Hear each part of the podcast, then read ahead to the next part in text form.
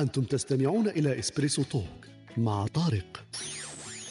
يأتيكم يوميا ما عدا السبت والأحد من التاسعة إلى الحادية عشر بتوقيت أوروبا الوسطى وبيرن. تجدون فيها موسيقى، حوارات، أقوال، عبر وعبارات. استمتاع واستفادة يوميا. أنا امرأة عربية حتى النخاع مسلمة من أعماق القلب.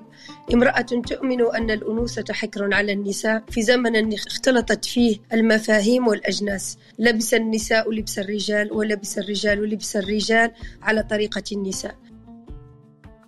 الفرنسيس عندهم واحد المقولة واش يقول لك؟ les habits ne font pas le moine mais aident à le distinguer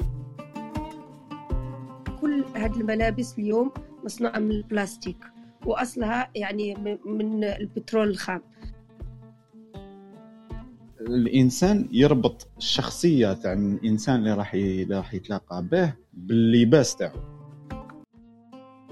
كان الشيخ محمد العنق قال مقول على اللباس. البس كيما تهضر ولا هضر كيما تلبس. السلام عليكم ورحمة الله تعالى وبركاته. صباح الخير عليكم في هذا اليوم الجديد السعيد علينا وعليكم إن شاء الله. أهلا وسهلا بكم في بداية هذا الأسبوع يوم الاثنين. ندندن حول موضوع من المواضيع في إسبريسو صباح. نحكي إن شاء الله في موضوع يهم الجميع وكان فيه اقتراح من بعضهم ولا بعضهن. هو موضوع اللباس. نحكي إن شاء الله اليوم على على الكلوثز ولا لي زابي ولا لأسبي تاع الإنسان. ندندن حول هذا الموضوع. كما قلت الإنسان اللي نعرفه في يومنا هذا كله يرتدي لباس. الفرق اللي بالك نلاحظه في طريقة اللباس نوعية اللباس والمغزى ولا المعنى ولا الموروث اللي جاي مع هذاك اللباس. donc هذوك عايتين مواضيع ندندن حولهم في هذا الصباح انطلاقا من التعريف تاع خالتنا ويكيبيديا اللي تعودت عليها. نشوفوا في هذا الموضوع دندنتنا الصباحية. اختلاف اللباس هذاك لماذا؟ علاه كاين ألبسة مختلفة. في الإنسان في ذاته عنده ألبسة مختلفة. كاين اللي casual donc لباس الاستراحة ولا العادي وكاين اللباس النظامي الرسمي وكاين اللباس اللي يرتديه الإنسان في العمل تاعو. كاين الاختلاف حتى في في الانسان في ذاته. وكاين اختلاف بين بين المجتمعات وبين الثقافات اللباس اللي يرتدوه الناس في إفريقيا غير الذي يرتدونه في أستراليا غير في أوروبا غير في أمريكا. كاين أنظمة وتقاليد مختلفة لهذا اللباس عند المجموعات والثقافات. نشوفوا الأهمية تاع اللباس هذا من من حيث الهندام الخارجي ولا المظهر الخارجي الأهمية تاعو عند الإنسان وكيفاش الناس تتعامل معه نعرجوا على هذا الباب ونشوفوا الميساج كيف يسموه اللي حب يعبر عليه الإنسان بارتداء لباس أو آخر. أكيد عنده عنده واحد الرسالة. رسالة بارك الله فيك صباح الخير أختي وهبة. صباح الخير لك أهلا وسهلا. أهلا وسهلا بك. donc نعم هي الرسالة اللي حب يوصلها الإنسان. عن طريق عن طريق اللباس تاعو بطريقة أخرى ونشوفوا هل هو قابل للتطور والتطوير مع الإنسان ومع الزمن. الكلمة اللي يحبها أخونا خالد الزمكان. هل هذا اللباس قابل في حين من الأحيان ولا في وقت من الأوقات للتعديل عليه والترقيع فيه؟ donc هذه مصطلح يليق على اللباس لتغييره نوعا ما ولا تطويره نوعا ما ولا تجديده أو تحديثه. ونشوفوا إلى أي مدى يعتبر هو نفسه ويحترم هذه التقاليد ويحترم هذه العادات والصفات التي كانت فيه دون أن يمحي هذه اللمسة التي جاء بها ولا جاء من أجلها. هذه موضوع الدندنة الصباحية تاعنا في هذا اليوم إن شاء الله. نرحبوا بخدنا وهبة وهبة هي كانت من مقترح العنوان لهذا الموضوع. لا أخفيكم سرا. دونك صباح الخير وهبة أهلا وسهلا بك في هذه الصباحية. ونرحبوا بخوتنا اللي معنا أكيد. نبداو الدندنة الصباحية تاعنا في هذا الموضوع وننطلق إن شاء الله. نبداو كما معرفين بخالتنا ويكيبيديا في في الانطلاقة الصباحية هذه تاعنا. دائما نبداو بها كأرضية لحواراتنا وموضوعاتنا الصباحية. أمين حب يطلع معنا. نسمعوا أمين في هذه الصباحية. أهلا وسهلا. أمين كيف حالك؟ أهلا طارق صباح الخير صباح وش راك أمين؟ بخير الحمد لله أنتم أنت دائما لابس هذاك التيشيرت الأحمر هذا كان مش عارف أنا قد قدام مرة تغسلوا أنت في شهر. توجور أنا عندي بزاف لا لا الصورة تاعك برك. لاباس عليك ça va الحمد لله صحتك بخير. والله الحمد لله. نتمنى لكم يوم سعيد وجميل بارك الله مرحبا فيك. أمين. يعطيك وهبة يعطيك الصحة. عندك ما تحكي لنا أمين في ال casual clothing ها؟ آه عندي ما نحكي لكن في مجال آخر راح خلاص. يعني معك. أنا أنا ورا أنا je suis intéressé كما قالوا بارك الله فيك. أهلا وسهلا بك آمين. الأخ. يوسف كان يتفضل معنا كان يناقشنا في الجانب النفسي بما أنه عبد الحميد ما أكيد أكيد. oui. وهيبه قدامنا نروحوا لخالتنا نبداو معك واقيل احكي لنا شوية على اللباس وش يبان لك لما تسمعين المصطلح بما أنك مهتمين من هذا الجانب. ونروحوا من بعد لخالتنا ولا تحبين نروحوا لخالتنا ومن بعد نرجعوا لك ليه نقراو الت- التعريف تاع ويكيبيديا. حتى الناس تدي فكرة صح على. أوكي. اكزاكتوم فوالا ننطلق مع خالتنا. خالتنا ويكيبيديا واش تقول لنا في, في الأزياء؟ من المصطلحات ولا التعريفات والمرادفات لكلمة ملابس أكيد أزياء وألبسة. والمفردات تاعها ملبس ولا زي ولا لباس. هذو قاعدين مفردات نفس الكلمة التي تعبر عن الملابس. والتعريف تاعها ال- ال- الظاهر والواضح أنها تحمي الجسد البشري من الطقس والبيئة الخارجية وتخفي العورة. دونك هذه الناس كامل متفقة عليها أنها إذا لم تحمي الجسد من من الطقس والبيئة الخارجية فبالأكيد تخفي العورة تاع الإنسان. آه، في تعريفات آه، ويكيبيديا واش تقولنا اختيار الملابس آه، عندها أوجه واعين مختلفة. نقدروا نميزوا بيناتها. من بين ال- التأثيرات ولا اسباب اختيار الملابس المهنة. مهنة الإنسان تملي عليه لباس دون آخر. آه، الدين مثلا إحنا نعرفوا بلي الناس اللي تكون مثلا إمام في مسجد ولا في كنيسة قديس ولا آه، قسيس في آه، كنيسة يل- يلتبس يلتبس ولا يلبس لباس آخر. البيئة والمجتمع العادات والتقاليد. هذه تملي علينا ثاني ألبسة مختلفة. المناسبة والمواسم. هذو ثاني نلبسوا فيها. الشخصية شخصية الإنسان آه، قد يحب يتشبث بواحد النوع من اللباس. ملائمة الملبس لحجم الجسم ولون البشرة.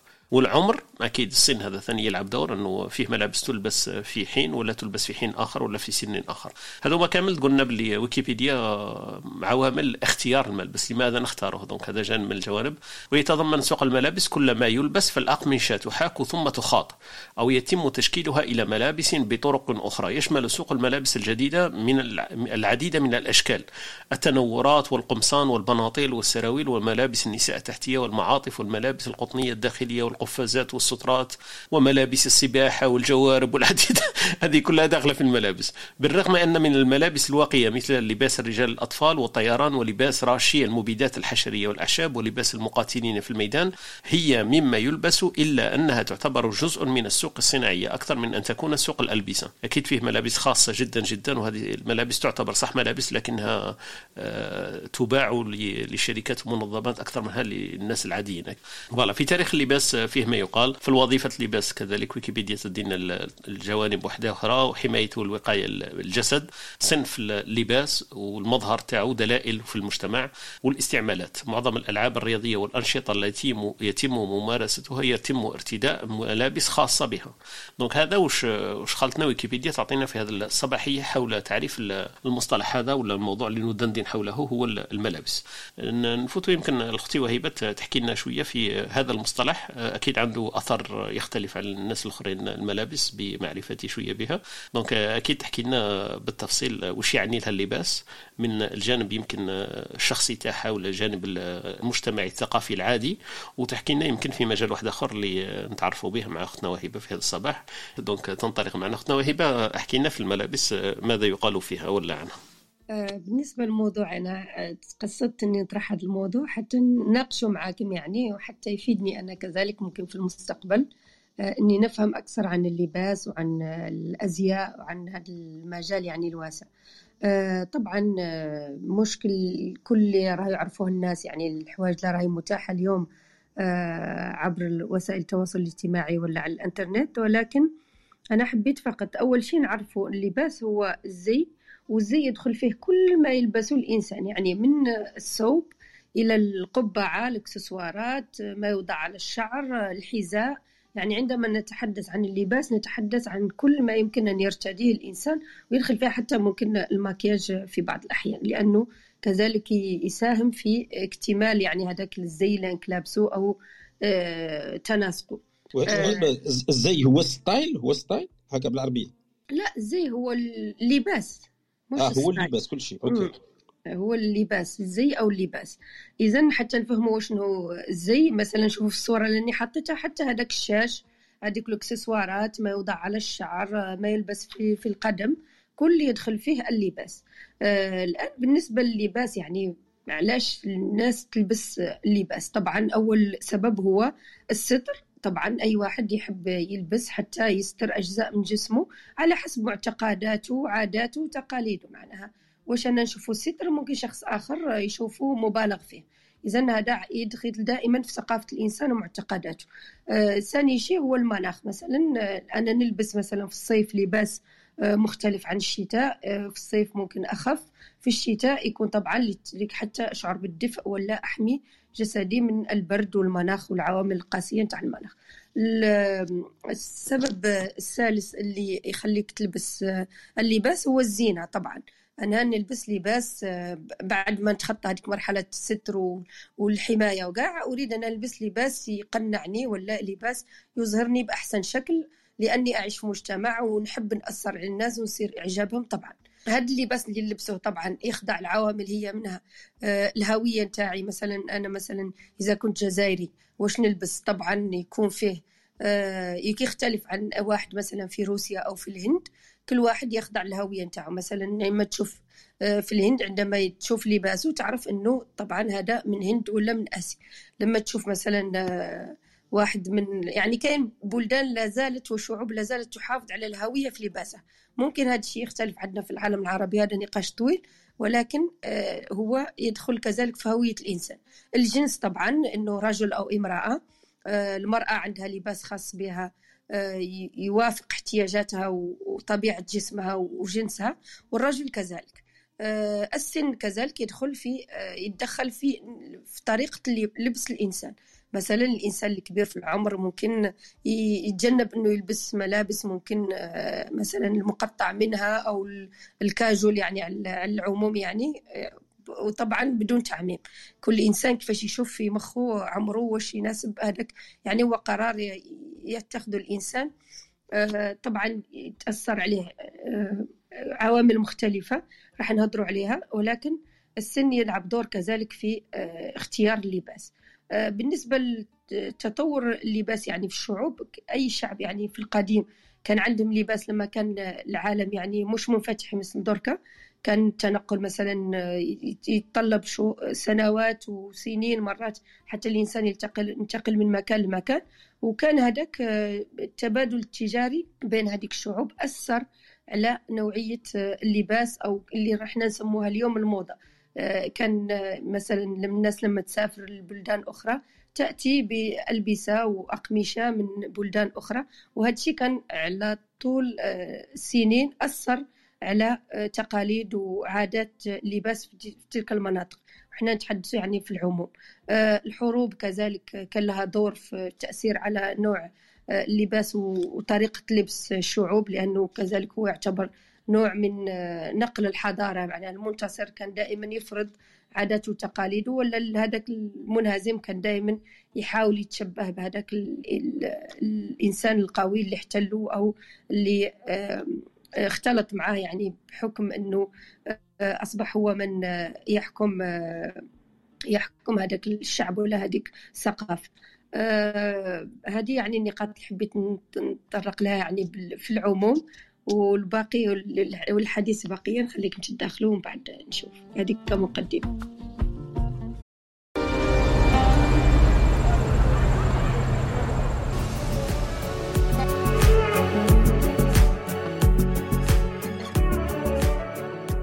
تابع بودكاست إسبريسو الصباح عبر الكلاب هاوس أو عبر تطبيق البودكاست المفضل لديك أو زر موقع إسبريسو توك بودكاست dot com.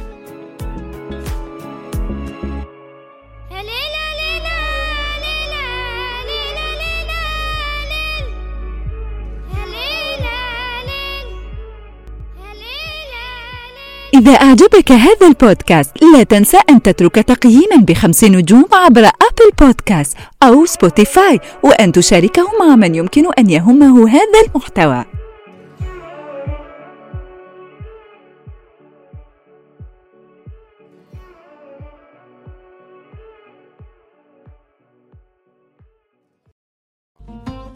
بارك الله فيك أختي وهبه مقدمة مليحة سهلتنا بزاف صوالح عرفنا الأسباب اللي تخلي الإنسان يلتبس آه، لباس ولا غيره. ومن بينها اللي ذكرتيهم بزاف آه، اللي هما الثقافة والمناخ والزينة والهوية والسن.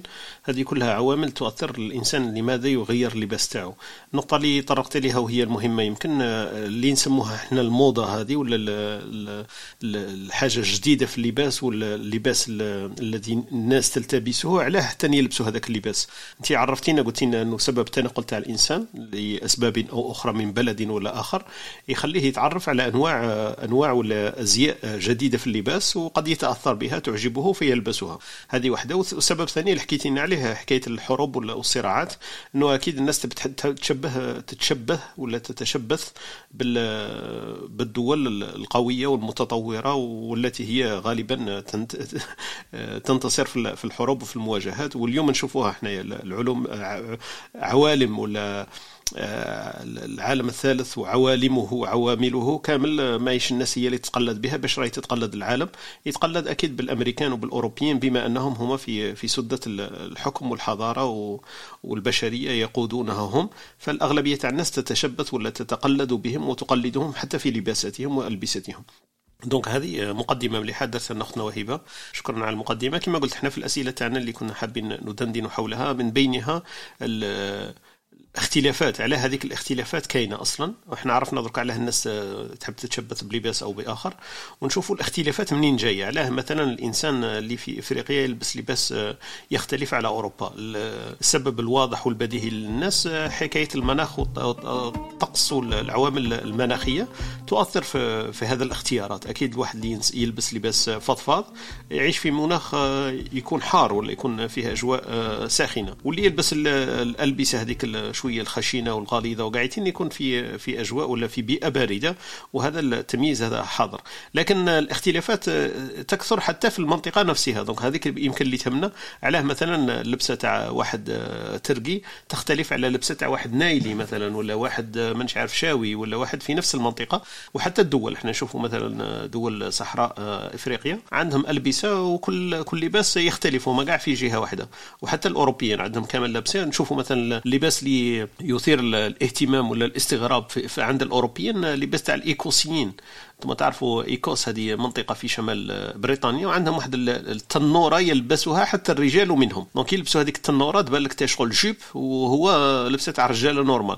الغريب فيها أن هذيك التنورة يلبسوها وبعد يلبس معها الجوارب تقشير يطلعوا ويلبسوا بعد معها ال cravate ويلبسوا معها شغل costume وتنورة. فتبان لك عادات غريبة عجيبة. لكن عندها أكيد كما نقولوا أسباب وعندها تطورات عبر الزمن. إحنا لحقتنا بهذيك الصورة لكن هي عندها أسباب يمكن إحنا نجهلها الآن لكن عندها تفسير أكيد. دونك هذه من الأسئلة اللي حابين نطرحها اليوم وحكاية الرسالة كما قالت لك قبيل أختي وهبه الرسالة التي يسوقها الإنسان عبر لباسه. فالإنسان أكيد مش راح ينفصم على على ثقافته وعلى شخصيته فراح يحاول يصور واحد اللباس المسلم يعبر عن دينه وثقافته. يلبس لباس الإفريقي فيعبر كذلك عن ثقافته. من هذا الباب حابين نشوفوا الاختلافات هذه منين جاية أصلا؟ نفهمنا إحنا الأسباب تاعها. تقريبا لكن الاختلافات لماذا وجدت هذه يمكن ندندن حولها. امين قلت لي كاين واحد الجانب واحد آخر تحب تطرحه معنا في باب اللباس. يا ريت تحكي لنا في اللباس أنت يمكن تشوف من من باب آخر. نورنا في هذا المجال. تفضل أمين. فضلك طارق. أنا النقطة اللي بغيت نتحدث عليها بالنسبة لللباس يعني فأنا كوني يعني يعني مختص في التواصل البصري فعندنا جانب في يعني la création des identités visuelles تاع les entreprises المثال اللي نقربوه بزاف اللي هو ان entrepreneur ولا ولا أي شخص يعني حتى ما يكونش entrepreneur اللباس تاعو راح يفتح له مجالات ولا يغلق له مجالات les opportunités يعني. فيعني كي نقول إحنا إنسان راح لمكان عمل وين كاين plusieurs candidats ولا ولا الناس اللي راح ت postuler فربما يكون هذاك المكان راح يحكموا على الناس بالمظاهر. إحنا نعرفوا أنه لا تحكم على الناس بمظاهرهم لكن في بعض المواقف يعني يحكم عليك بمظاهرك. في هذا في هذا الجانب اللي بغيت نتحدث أنا. على سبيل المثال يعني تكون في مجلس يعني ولا تعامل ويكونوا بعض الناس اللي مهتمين بالانفستيسمون ولا يكونوا مهتمين ببعض الناس اللي بين يخدموهم ولا يخدموا معاهم ولا في لي بروجي تاعهم. فنشوفوا أنه بعض الناس يعني ما يهتموش بالمظاهر تاعهم. فهذاك المستثمر ولا الإنسان اللي راه يحوس يخدم هذاك الإنسان ولا يخدم معه يعني هو طبعه أنه يهتم بالمظاهر ولا يجلبوه المظاهر. فيقول لك أنا معلش أنا المهم شاكين في راسي يعني ما نشوفش شاكين في اللباس تاعي. لكن للأسف مش راح تجي l'opportunité باه يهدر آه، يعني مش راح يبين روحه حتى يهدر. أول حاجة راح يجلب بها الانتباه ولا يخلي روحه présent اللي هي اللباس تاعو. كما أنت تحدث على اللباس في آه، يعني للعمل فهذه هي النقطة يعني بالضبط. فكونك لبست مليح وعطيت هيئة لروحك ولبست لباس اللي يقدر المنصب تاعك ولا ثقافتك ولا فراح يعطيك آه، يعني opportunité ولا chance يعني chance باه تهدر في هذيك البلاصة ولا يجي لك ولا يكون impressionné بك نتايا ومن بعد يسمع يسمع الرأي تاعك ولا يسمع آه، الفكرة تاعك اللي باغي تقولها. فهنايا كاين يعني نقطة صغيرة اللي هي أنه ربما أنت تكون لابس مليح وعاطي المظهر مليح وعاطي آه، يعني good impression لكن مخك فارغ. فهنايا اللي دائما نهضروها يعني إذا كانت عندك good good business فأنت راك باغي دير identité visuelle مليحة. فهنايا راك راح تخدع الناس. آه، من الأفضل يكون عندك good business يعني يكون عندك good message ومن بعد تلبس مليح باش تزيد les opportunités بالناس يجوا عندك ويتعاملوا معك يسيبوا بني نتايا. c'est vrai تستاهل نخدموا معك يعني ال impression معك صحيحة. فهذه النقطة اللي بغيت نتحدث عليها بالنسبة لللباس وهي فيها بعض يعني فيها ensuite من نتوقف لهنا ربما ندير رأيكم في هذه النقطة. بارك الله فيك أمين le point هذا très important كيما نقولوا نقطه مهمه بزاف انه les premières impressions مهمين بزاف وكما حكيت عليها انت في حكايه ال business انه الانسان راح يحصل على عمل جديد ولا راح يقدم مشروع ولا يتقدم إلى منصب أكيد l'impression الاولى اللي إحنا ما نقدروش نتغاضوا عليها رغم اننا نقولوا الاهميه هي الداخل وش عنده الانسان من امكانيات قدرات كما نقولوا في العلم تاعو في الذكاء تاعو كل شيء لكن اول ما نصدموا به هو حكايه اللباس الفرنسيس عندهم واحد المقوله واش يقول لك les habits ne font pas le moine mais aident à le distinguer آه، هذه من شاف الترجمه تاعها لا تصح يقول لك اللباس لا لا لا يصنع من الإنسان إماما أو قسيس. لا يصنع الراهب ولكن يساعد على تمييزه. بارك الله فيك. اللباس لا يصنع الراهب ولكن يساعد في التمييز بينه وبين غيره ولا في التمييز به. ولا بارك الله فيك وهب هذا هو exactement donc هذه النقطة كما كان يحكي لنا آمين انه صح تساعد وأكيد هي نقطة خطوة أولى. إذا كان أنت المظهر تاعك وكل شيء يساعدهم لهم باش يعطوك آه، نتيجة إيجابية وترضيك ويقبلوا المشروع تاعك ولا يقبلوك في هذاك العمل أكيد بعد ذلك أنت وصح المنصب هذاك اللي يرشحوك ليه بعد بعد أسبوع ولا بعد أيام قليلة يتضح العكس. لكن إذا كان العكس إذا كنت أنت في راسك صح تستاهل هذاك المنصب والهندام تاعك ولا الزي تاعك واللباس تاعك لا يساعد باش يقبلوك فأنت تكون voilà تكون أثرت تأثير سلبي من البداية وما عندكش حتى الفرصة أنك يجربوك ولا يعرفوا est-ce que تستاهل هذاك المنصب ولا لا. donc هو عامل مهم جدا. في في الحكم على الإنسان مبدئيا. ندير قوسين بين مبدئيا لأنه البداية هي التي تهم في البداية كمرحلة أولى ومن بعد نشوفوا العوامل الأخرى. وال visual كيفاه اسمها أمين visual design ولا visual impression هذه مهمة كثيرا في كل شيء حتى في اللباس في في العلامات التجارية اللي حكى عليها اخونا أمين في, في كل شيء. البصر وهذه تتعلق بالبصر. اللباس مهمته الأولى ولا الحاسة الأولى اللي نطرقوا لها عليها عن طريق اللباس هي البصر. ما غاديش واحد يقول لي أنا نغمض عيني ونشوف الزي هذا يساعدني. أكيد راح تتعرف عليه وتكتشفه بالبصر. فحاسة البصر آه، ربط جميل اللي داروا خونا أمين بين الهوية تاع الشركة بين هوية الإنسان وبين المنصب ولا قبول الفكرة تاعو ولا قبوله كعضو جديد في شركة ولا في منصب ما. بارك الله فيك خونا أمين. c'était enrichissant وجهة النظر تاعك. وبما أنك مختص كما قلت في ال visual design في ال design ال design وفي ال marketing فهذه نقطة أكيد لن تغيب عنك. بارك الله فيك.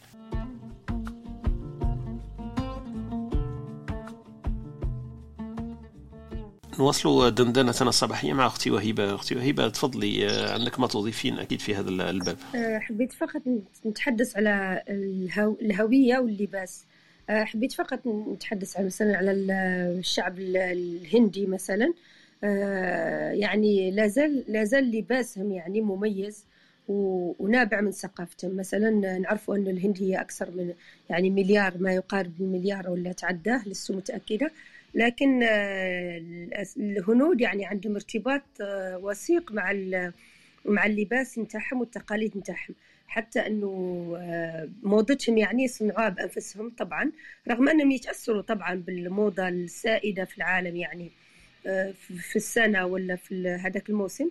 لكن دائما يبقى آه، مثلا الصاري ممكن أن يلبس في العمل مثلا عندهم ألوان رائجة مثل البرتقالي والأصفر يعني بالنسبة لهم موضة. لا لا تموت ابدا هذه الألوان عندها لأنها مرتبطة آه، نعرف انهم هم عندهم ديانات مختلفة يعني الديانات بقي عدد خرافي من الديانات والاعتقاد عندهم مختلف من شخص إلى آخر. لكن يرتبطوا بهذيك الألوان اللي آه، تمثل المعتقدات نتاعهم يعني. آه، كما قلت لك من الأصفر أو البرتقالي. وعندهم كذلك إنه الأبيض الأبيض هو لون الحزن لذلك لا يحبذ يعني لا يرتدون الأبيض.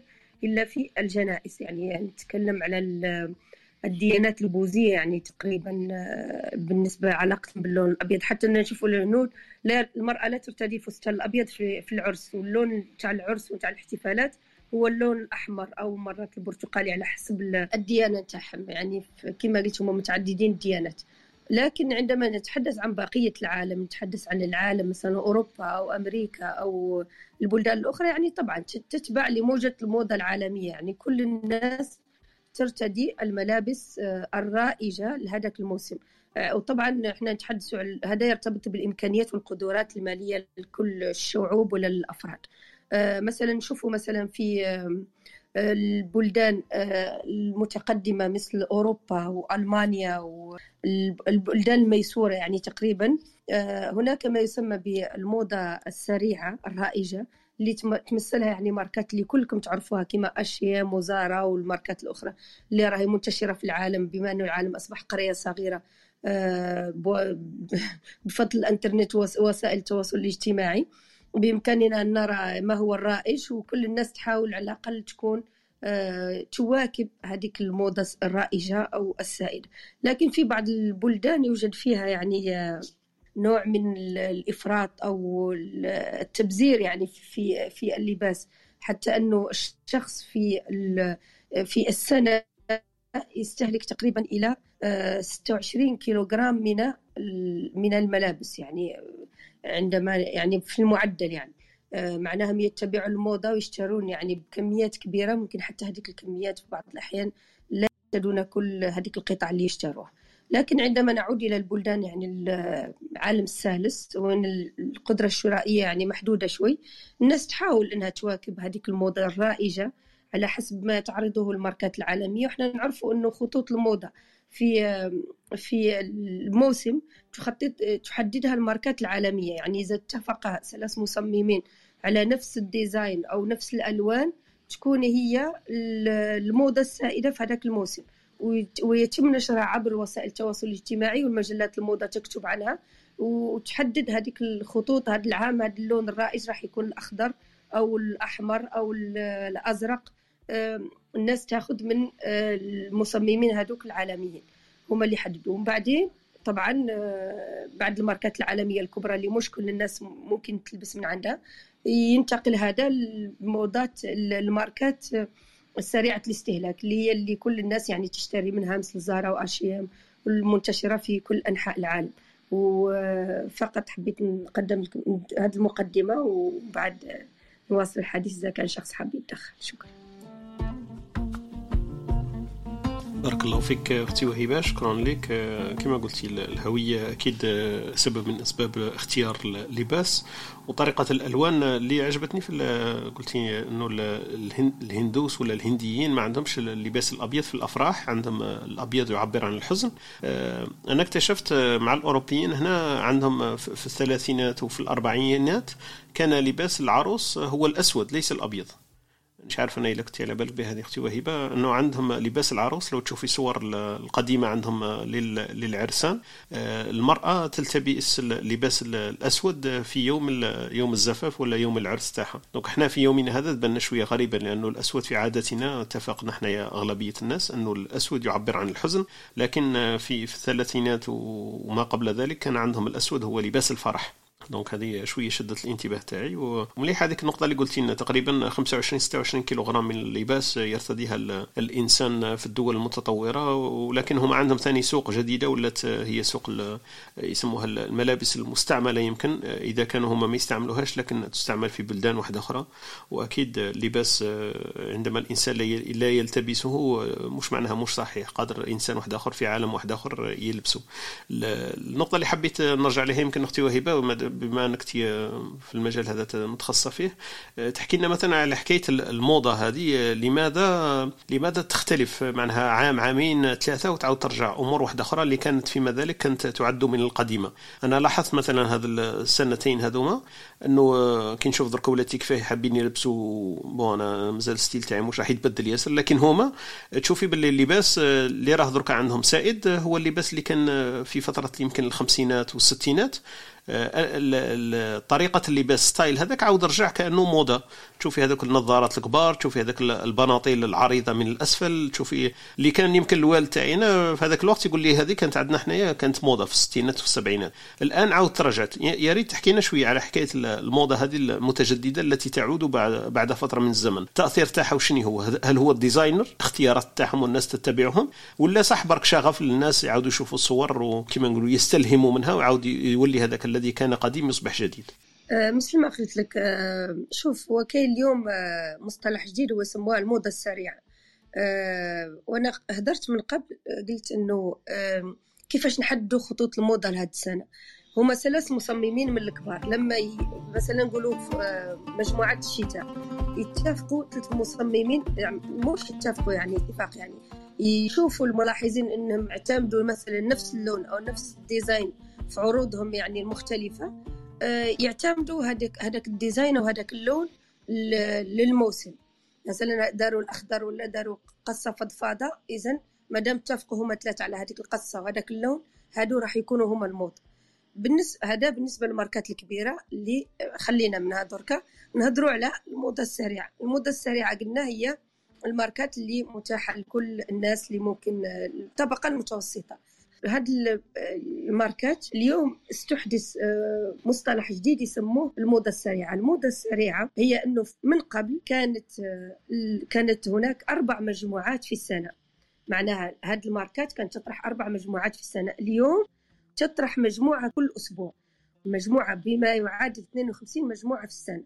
وهذا عندما حسبوا مجموع الإنتاج يعني اللي بقطع اللباس في السنة لقاها 120 مليار قطعة.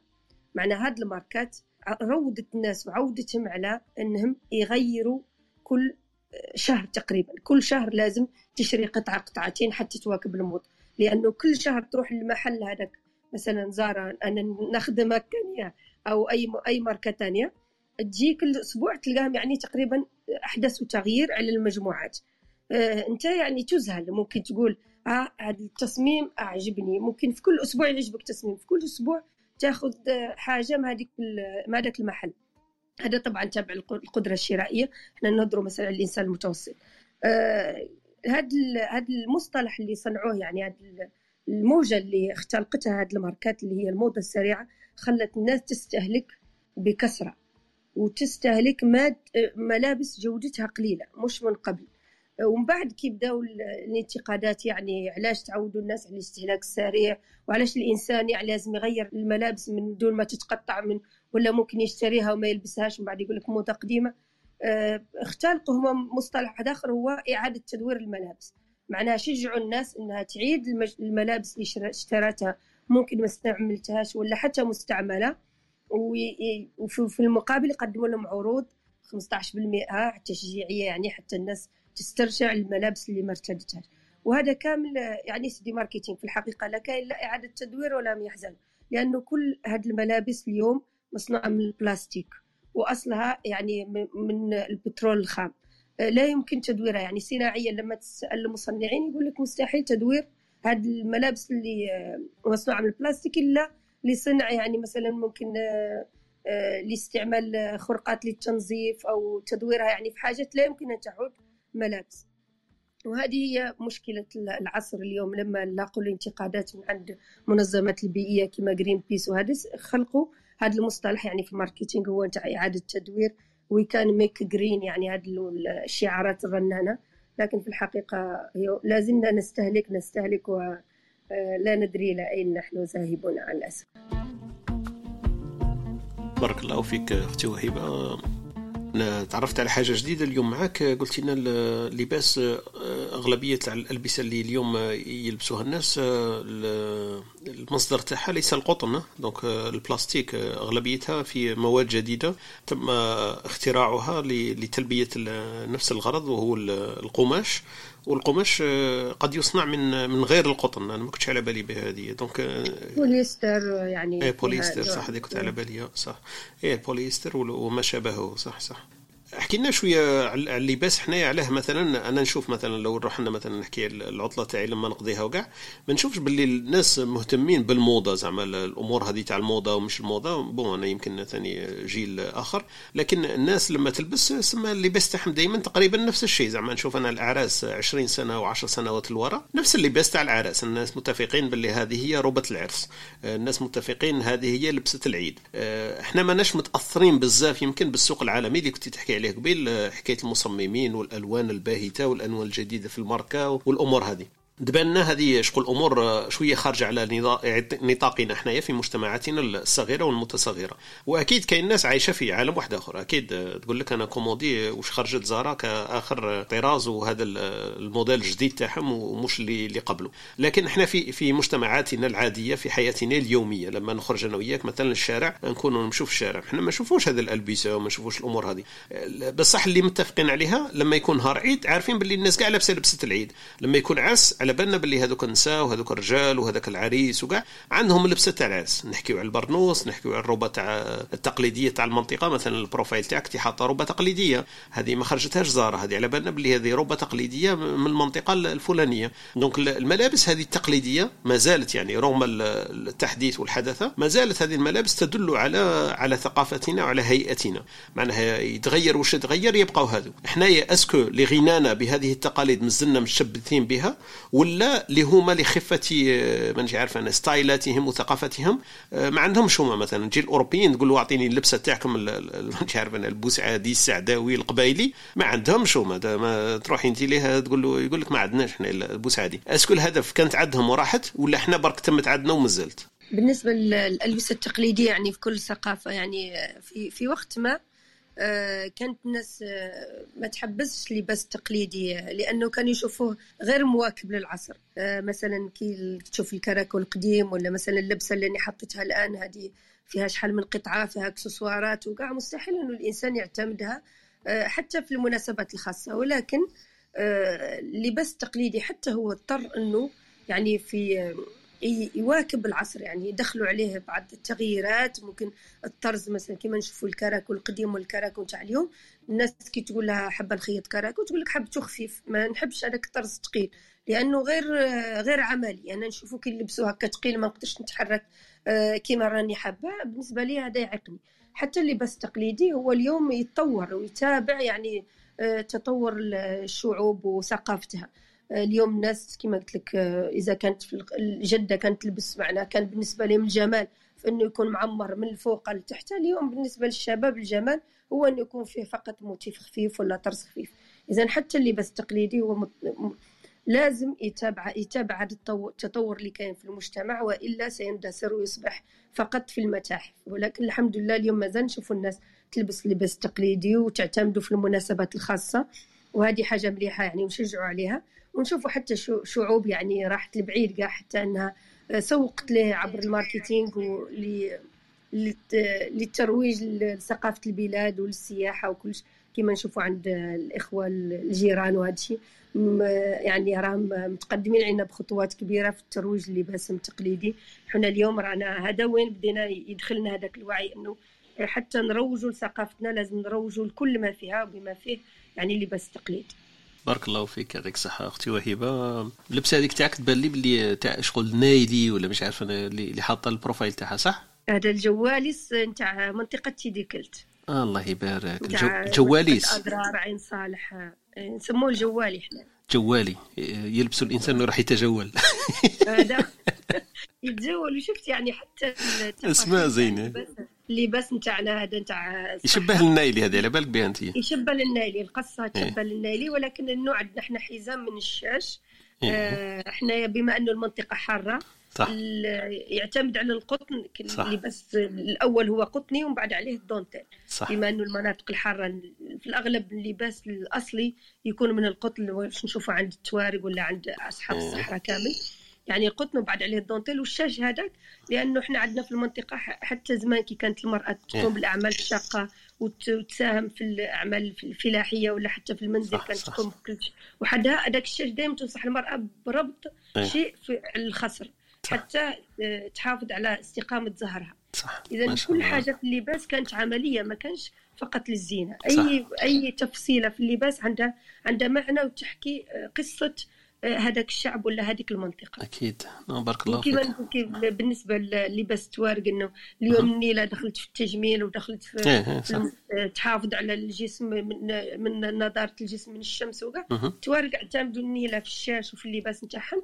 حتى يحموا نفسهم من الشمس صح آه، لأنه في- كانوا دائما شعوب رحالة. وكانوا يتعرضوا للشمس بكثرة اذا النيلة كانت معتمدة في اللباس تاعها تعدم la pommade anti-soleil من بكري ماشي جديدة تاعها أيوه la protection هذه كتعدهم déjà عارفينها. النايلي هذا عندكم على بالك هذا جوالي شبه النايلي؟ إحنا عندنا النايلي وعندنا البوسعدي. البوسعدي يشبه لهذه قد قد تسمى فيه واحد الدرجات وفيه تمرقيسات هكذا ما نعرفهمش أنا en détail بصح عندنا البوسعدي شبه اللبسة اللي راكي موريتها هذه كاينة النايلي وكاينة البوسعدي مش كيف كيف. بارك الله فيك أختي وهبه طلع معنا يوسف يوسف واش تحكي لنا على الأزياء والألبسة والأقمشة. على بالي أنت راك ثاني stylist من الكبار. يوسف أهلا وسهلا بك. اللي يهضر لنا. على علم النفس واش قال في آه، اللباس وتأثيره. الشخصية. أنا واش يوسف يوسف على بالي. الفيلسوف الألماني يوسف قال لك أنا نوزنو نعرف كيف يخمم اللباس تاعو. نشوفوا الكاسكيطة مقدمها لقدام ولا مؤخرها؟ إلا عاد مقدمها انطوائي. تفضل يوسف صباح الخير عليك. صباح الخير عليكم. إن شاء الله تكونوا كاع بخير. آه، malheureusement ما عنديش بزاف معلومات هكا mais معلومات بالك يعرفوها كاع الناس. la- l'impact تاع les vêtements على l'humeur تاع الإنسان والشخصية تاع الإنسان. آم، مانيش مرتب هكا les idées parce que معلومات آه، كانوا عندي من زمن طويل. par exemple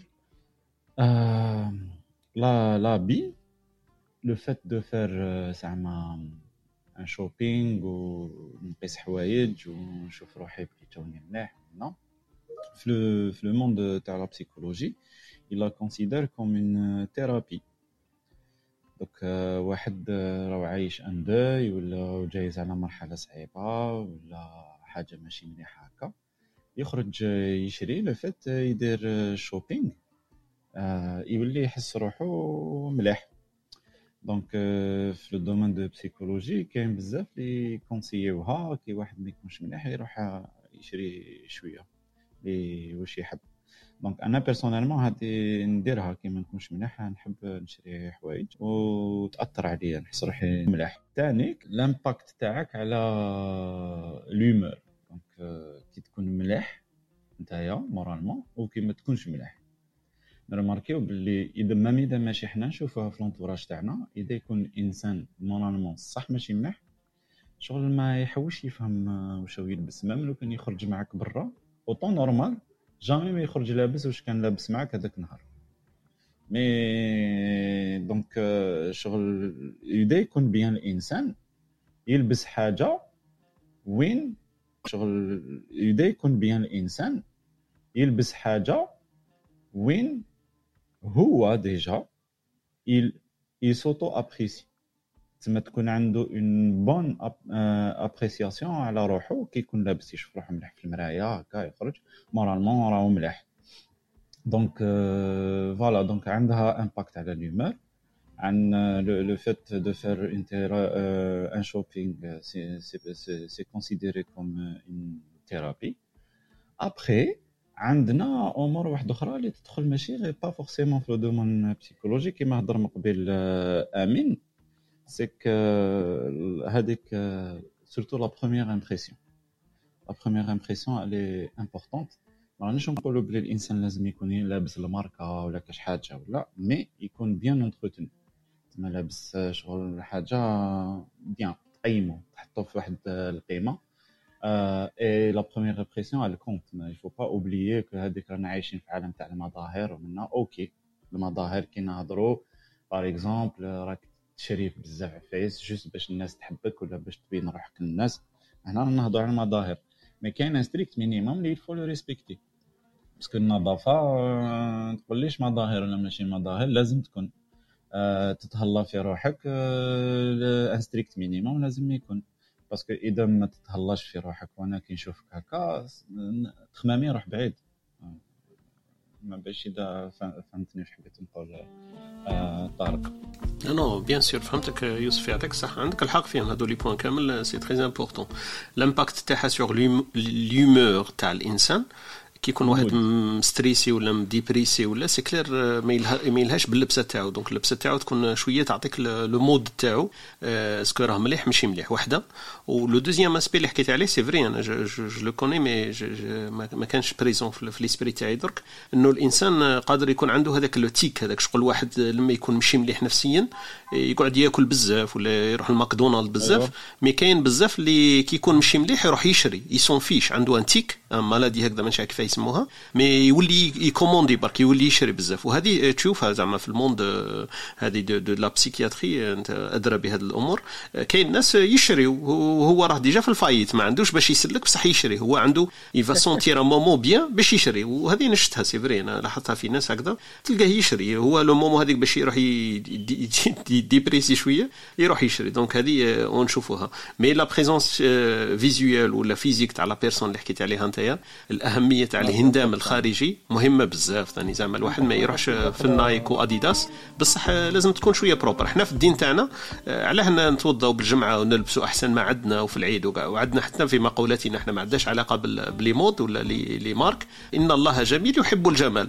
ما قالكش لازم Nike وماركه بصح حاجة جميلة حاجة مليحة. والجميلة هذيك يتفقوا عليها انت والناس. ماشي غير انت وحدك décidé باللي voilà أنا قندورة نلبسها في في الهالوين ولا مش عارف وين في النوال ولا ما عرفوا واش من المناسبه تاع راك عايش فيها. قال voilà نلبس أنا القندوره bon حاجة propre الناس متفاهمين باللي propre هذه je pense أنا هذه t'as raison فيها. عندك الحق. وتعنيك شغل le fait de de de de bien s'habiller كي نقولوا bien s'habiller c'est نعاودوها c'est relatif ماشي عندهاش علاقة بالمادة. exact prouve une, une affirmation de soi, une estime de soi. صح. صح. إذا أنت ما تهليتش في روحك voilà ما تستغربش إنه الناس ما يعطوكش أهمية. لأنه كلش بحكاية الأهمية يعطوا اهتمام لك كشخص ومن بعد يجوا الأفكار. عالم الأفكار هو دائما يجي في ال second degré ما غاديش واحد أنت يطلع عليك عنده Neuralink في راسه يعرف كيف راك تخمم mais يعرف كيف راك تلبس يعرف style تاعك يعرف la façon de penser تاعك بلا ما تفتح فمك. لسه ما هضرتش هو على بالو à peu près de quoi il s'agit بصح من بعد قادر t'étonner dans les deux directions قادر تهبطوا للواد قادر تطلعوا القمة تاع الجبل exactement voilà وكاين حاجة نسيت باش نقولها تفضل il y a كاين un biais cognitif اللي اسمه normalement يداش فيه عليها l'effet de halo كاين l'effet de halo exact هذا تسمعوا بزاف الناس اللي دير ريجيم ودير صوالح هذو ايوا واسمه halo H A L O OK. pense même الاغنيه تاع OK. Beyoncé Halo هذيك OK علاقة مع هذيك وشنو هو؟ الإنسان يربط الشخصيه تاع الإنسان اللي راح راح يتلاقى به باللباس تاعو. فاهم c'est un biais cognitif ça veut pas dire que حاجة صح. mais في la société c'est comme ça ça marche شغل يشوفك وشك لابس يربط الشخصية تاعك مع اذا لابس حاجة مليحة il y a une grande probabilité باش أنت تكون إنسان مليح. إذا ماكش لابس حاجة ماشي malheureusement c'est ça إذا ماكش لابس l'inverse existe إذا ماكش لابس حاجة l'inverse تما تما عندك une grande probabilité إنت ما راكش مليح. donc هذا يقولوا l'effet de halo. et malheureusement les escrocs يتكلوا بزاف على l'effet de halo هذا. يجيك لابس costume هكا يقصر معاك يهضر bien et tout من تقول هذا هو هكا إيه بعد تفهم باللي ما عنده حتى علاقة. c'est vrai هذه c'est un point important كيما قلت. الناس اللي عندهم هذوك كيف يسموها le narcissisme هذوك شوية تلقاها متهلي في روحه كاع وحدة. وكيما قلت اللي عندهم ال manipulation هذيك psychologique ولا تاع الناس الأخرين يقدروا ي manipuler facilement أنا نستعمل لي زاب إيه كيفاش؟ كي قلت على ال narcissisme yeah. آه معليش هاك طارق معليش. لا لا تفضل. oui oui vas-y آه اسمح لي إذا dérangé يت تقول لي برك. الحاجة الاولى آه، هذا كلمه narcissique هذه راهي تتعاود بزاف surtout في Clubhouse لازم نصحوا واحد العفسة باللي le narcissisme كاع عندنا. ما كاش إنسان ما يحبش روحه إذا إنسان ما يحبش روحه c'est un problème donc le narcissisme كاع عندنا. دوكا كي يولي un trouble narcissique اللي ولا l'appellation تاعها commerciale le pervers narcissique يولي un trouble narcissique تسمى هذاك le degré اللي يحب روحو بزاف يصرا فيه un trouble يولي un degré كبير بزاف على la norme donc تولي une pathologie اللي اسمها pervers narcissique commercialement appelée donc هذه ب juste باش نغلقوا القوس وثانيك الانسان عنده علاقه مع ال narcissisme تاعو في la manière de s'habiller شغل ي essayer يلبس حاجة ويشوف روحه حاجة تكون غاليه حاجة تكون ماشي الناس كاع لابستها يحبوا à peu près هكا d'après des études يحبوا à peu près هكا اي واش تانيك يقعد بزاف في المرايه يشوف روحه ملاح يجوز الوقت كبير في المرايه لو كان par exemple يروح يجوز وقت في عفسه importante non يجوز روحه وقت كبير في المرايه وباش la manière de s'habiller تاعو ça reflète le degré de narcissisme تاعو وهذه d'après les expériences psychologiques اللي داروهم voilà يعطيك الصحة وميرسي يوسف على هذا ال explication وال introduction sur le fait تاع اللبسة وكيفاش تقدر ت refléter la personnalité تاع la personne المقولة أستاذ تفضلي يا وهبة لباسك يرفعك قبل كلامك هذا هو يعني هذه كلمات جميلة على على المحتوى اللي حكينا عليه قبيل. عاوديها من فضلك وهبة كيفاش قلتي؟ لباسك يرفعك قبل كلامك يعني أي يحطك في مقام الناس كي تشوفك لابس مليح تقول هذا الإنسان لابد عنده في الرأس إنسان صح. صح. صح. لكن كي تكلم هذاك الوقت تبان الحقيقة من الخيال. صح. كان الشيخ محمد العنقا تاني قال مقول على اللباس وش يقول؟ جا ليه واحد كانوا يقصارين هكذا. يا شغل جا ليه واحد لابس costume لابد رافد فاليزة valise diplomatique ويهضر. هذاك يقصر معاه صابو بلي ويهضر n'importe quoi. وكان شغل ينقص شوية الاحترام من الجماعة اللي كانوا مع الشيخ محمد عنقا والشيخ محمد عنقا و lui-même ثاني. والشيخ محمد عنقا ما كانش يهضر بزاف. هذا قال له تسمى واش انت شو ما تهضرش معايا كاع ولا هذا هضر معاه واش قال له قال له البس كيما تهضر ولا هضر كيما تلبس. تعيليش راسي. c'est joli هذه مليحة هذه تاع البس كيما تهضر ولا هضر كيما تلبس. c'est كيما قلت court court et précis باينة راهي تعيط ما فهموا directement voilà يعطيك الصحة. بارك الله فيك يوسف. voilà. donc حميد ما ما سمعناكش بزاف اليوم. آه، قلت لنا c'est c'est un domaine par excellence اختنا وهبة وهبة ما شاء الله داتنا plusieurs dans plusieurs directions حكيت لنا على اللباس الأهمية تاعو la tradition la mode style وشكون اللي يقرر. حكينا على الهنودة حكينا على اللباس ال- الجوالي حكينا على كلش. حميد واش تحكي لنا أنت في اللباس؟ qu'est-ce que t'en penses تعتني به ولا عنده un degré تاع importance في في la vie تاع chacun bien برك نرجع على واحد ال point دارتو هبه على القطن وكل شيء. كاين آه، هذه المشكلة تاع القطن c'est vrai دروك آه، مش عارف إلا هضرت عليها. آه، كاين ذيك العفسة تاع ماشي made in بصح made by لازم يشوفوا منين منين راك تجيب هذاك القطن. كاين شركة سويسرية صغيرة هكا bien sûr تخصصت في هذا ال domaine. ت traquer كاع ال- الألبسة وتشوف واش شكون اللي راهو قاعد يدير فيها والقطن من يختاروه est-ce que تاع صح ماشي تاع صح. ومن بعد يعطوا هذاك ال label دوك هم قاعدين يخدموا mais généralement راح تولي marketing جديد واللي ما عندوش label ما يقدرش يبيع بهذيك ال- اسم شغل الأخرين يطغاو. c'est clair et net باللي اللي عنده اللي عنده القطن تاع الصح هو اللي اللي راح يكون الملابس تاعو غالية و justifiée هذه غير برك ال point اللي قالته كاين un autre point خطره انايا حكاية هكا برك مش عارف. خطره كان عندي entretien تاع خدمة. هنايا في la Suisse هكا رحت رحت لبست واحد التريكو أنا بالي مليح. هو جاي فيه الأخضر كيما هذاك اللي راهي في اللبسه هذيك تاع اللي راهي دايرتها وهيبه شغل باين باللي bizarre تاع صح. زعما أنا ما فهمتش علاه رحت لبسته. باين باللي زعما كون نعاودها ما نلبسوش. ومن بعدك أنا شغل رحت هكذا جوزت l'entretien من بعدك آه، هذاك ال manager تاعي من بعد ولا manager تاعي parce que engagé وني وكل شيء ومن بعدك بقينا واحد الخطره مقصرين هكذا هو قال لي قال لك حاسين النهار اللي جيت النهار الأول آه، l'entretien تاع الخدمة قلت له آه قال لي كي لبست هذاك التريكو قال لي أنا عرفتك باللي sûr من روحك parce que ما كاينش اللي يلبسوه في entretien تاع الخدمه c'est vrai يا صاحبي وأنا والله والو والله غير positif. négatif. تعرف النهار. نفحت لي هذاك النهار نلبسوا هذاك غير بغيت نقول باللي خطرات آه، هذه ال- باش نعرج على الهضرة تاع يوسف اللي très importante الوجهه الأولى. عندك إنسان يكون عنده هيئة والوجهه الأولى الناس مرات هكا تقول لك بلي لا لا هذا ما يشوفش في ال fond قاعد يشوف فيها سما سما يشوف الحاجة الأولى déjà جوجاني شغل تشوفها أنت négative. هي المشكلة في الأولوية برك ماشي في ال importance c'est-à-dire الأولوية ما عندوش كيفاش يجيك لازم أول حاجة يشوفك يشوفك كيف الهيئة تاعك. premièrement كاع en général parce que فيها داخلة فيها تسريحة تاع الشعر من كاع الصوالح ومن بعدك يبدأ يشوف اللبسة ومن بعدك يشوف les couleurs هكذا. شغل un jugement par rapport هو شاشه في حياته. شغل هي subjective بصح عندها واحد ال- ال conformisme هكاك شغل كاين واحد الحاجة رانا متفاهمين عليها à peu près في la société هذيك.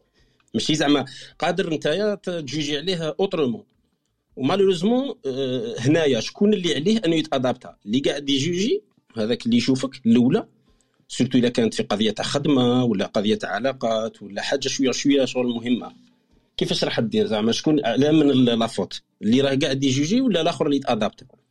هنا هي الهضره هنا الهضره اذا كانت la priorité لل- للمظهر و ça dépend القوه عند من شكون اللي راهي.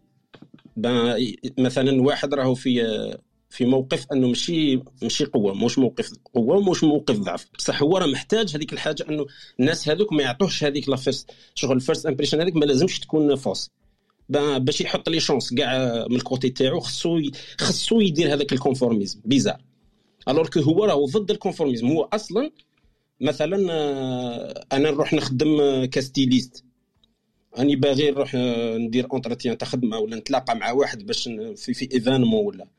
وراح نتلاقى مع des stylistes.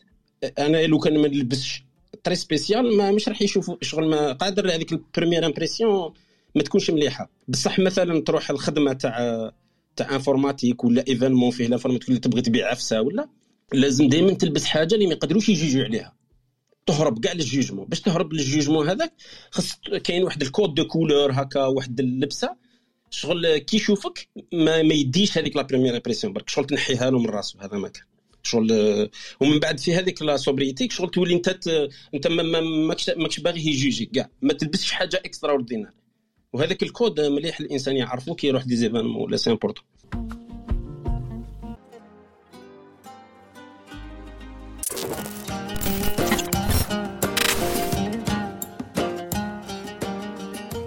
هذا البودكاست قدمته لكم بكل حب من استوديو تي استوديو تي البودكاستات التي تحبون من أناس بهم تثقون.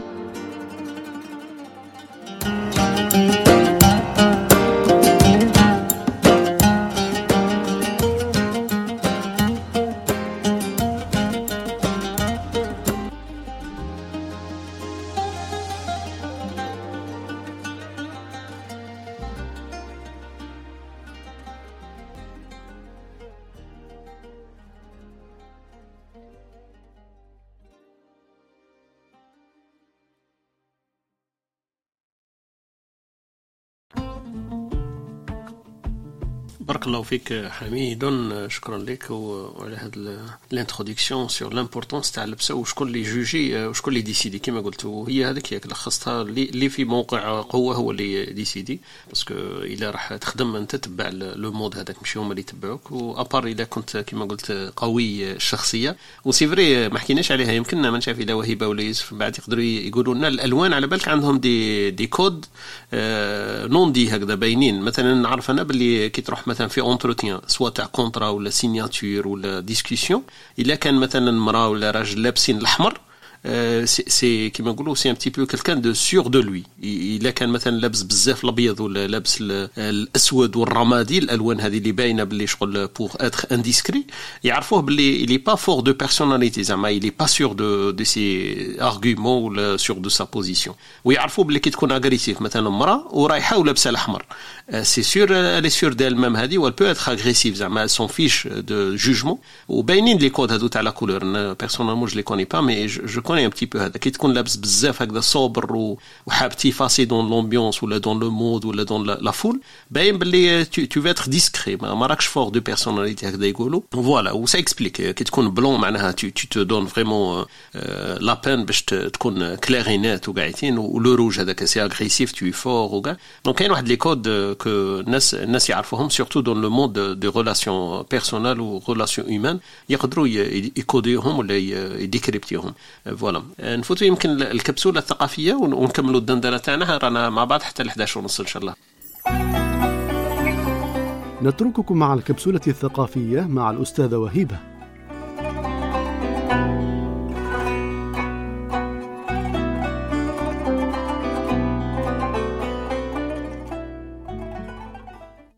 السلام عليكم في هذا الموضوع اليوم اللي حبينا نشاركه معاكم موضوع اللباس ونناقشوه معاكم.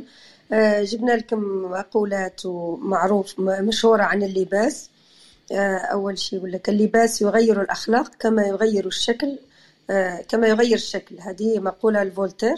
وطبعا إحنا كلنا نعرفوا إنه لما تكون لابس مثلا لباس رياضي تشعر نفسيا إنك مرتاح وتحس إنك حاب تتحرك بحرية وبسرعة وحتى خطاك تكون سريعة. لكن عندما تكون لابس لباس مثلا كلاسيكي تفضل إنك حتى إنه اللباس يفرض نفسه على نفسيتك وتكون يعني أكثر اتزانا وأكثر آه، عقلانيه آه، المقولة الثانية يقول لك ينبغي للعاقل أن يختار من اللباس ما لا تحسده عليه العامة ولا تحتقره فيه الخاصة وهنا يعني آه، نتحدث عن الوسطية أن الإنسان يجب أن لا يبالغ كثيرا في في في لباسه.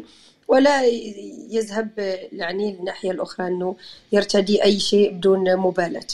آه يقول لك الموضة تتغير ولكن أسلوبك يظل كما هو. وهذه مقولة لكوكو شانيل يعني المصممة المعروفة في عالم الموضة. آه أنه الموضة دائما تتغير لكن يجب أن دائما تكون اختياراتك آه تمثل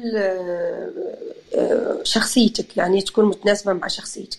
معناها يجب على الإنسان لا يستهلك يعني بدون تفكير. بالنسبة للأمثال الشعبية عندنا مثل اللي تعرفه كامل يقول لك البس اللي يعجبك وكل من اللي يعجب الناس والعكس كل اللي يعجبك والبس اللي يعجب الناس لأنه لأنه دائما اللباس يعني الناس تشوف إيش راك لابس وكاع ولو إنه البعض ما يوافقوش عليها يقول لك إنه هذا يجب على الإنسان لا يتأثر لهذه الدرجة بآراء الناس ويكون مستقل وعنده شخصية ويختار اللباس اللي يناسب شخصيته ويكون مرتاح فيه. طبعا يأخذ بعين الاعتبار يعني طبعا المجتمع اللي راهو فيها والتقاليد أو العادات.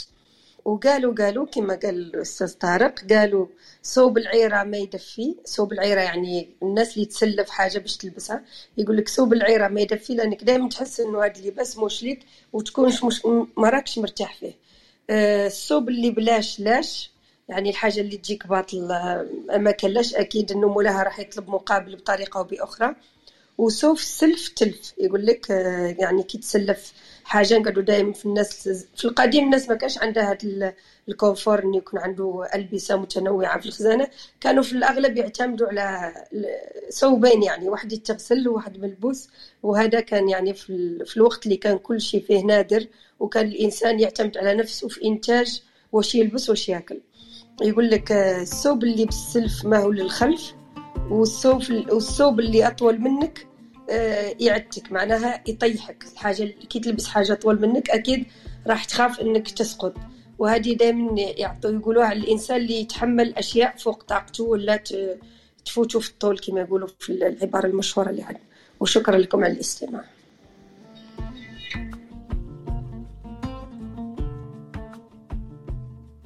آه وهي بعاودين القالوا بالقالوا أكيد. أوكي. قالوا صوب العيرة ما يدفي. وقالوا اللي بلاش لاش وقالوا صوب السلف تلف. وقالوا تاني الثوب اللي بالسلف ما هو للخلف والثوب والثوب اللي طول منك يعتك يعتك معناها يطيحك. الله الله الله. أنا تعجبني هذه تاع القالوا طايحين قد قد وكاين مثل آخر نسيت تفضلي. يقول لك سوق النساء مربوح. معناها اللي يجيب دائما السلعه تاع النساء الناس أكثر استهلاك من الرجال. صح. يقول لك سوق النساء مربوح هذا المثل اللي نسيته أني قلت لكم درك. يعطيك الصحة وبارك الله فيك. شكرا. عجبتني هذيك تاع ثوب اللي بلاش نو ثوب بلاش. اللي بلاش بلاش الثوب اللي بلاش لاش. آه ما الثوب اللي كان له بلاش يعني. لاش exactement. exactement ما عندوش لازمة. صح. بارك الله فيك يعطيك الصحة أختي وهبة وشكرا لك على ال- الكبسولة الثقافية اللي أتحفتينا بها اليوم في هذا الصباح. نحكيو فيها على ال- اللباس وكانت هذه أمثلة تتداول في ثقافتنا وموروثنا الثقافي الجزائري. بارك الله فيك. طلع معنا أخونا قاسم يمكن ولا حسان دكتور آه غسان. وسهلا. أهلا وسهلا بك غسان. صباح الخير جميعا. أهلا. وسهلا بك. خير. أستاذتي وأختي الغالية أستاذة وهيبة صباح الخير. مساء الخير وأنا محبة كبيرة واحترام كبير لإخوتي بالمغرب العربي. الله يعلم الغلاوه والمعزة. أنا كنت عايش في السعودية وعاشرت كثير من المغرب العربي من الجزائر بس مع الأسف نحن نهدروش لا جزائري ولا مغربي يعني بزاف ما أعرف كثير كلمات. أنا كثير معجب في الموضوع.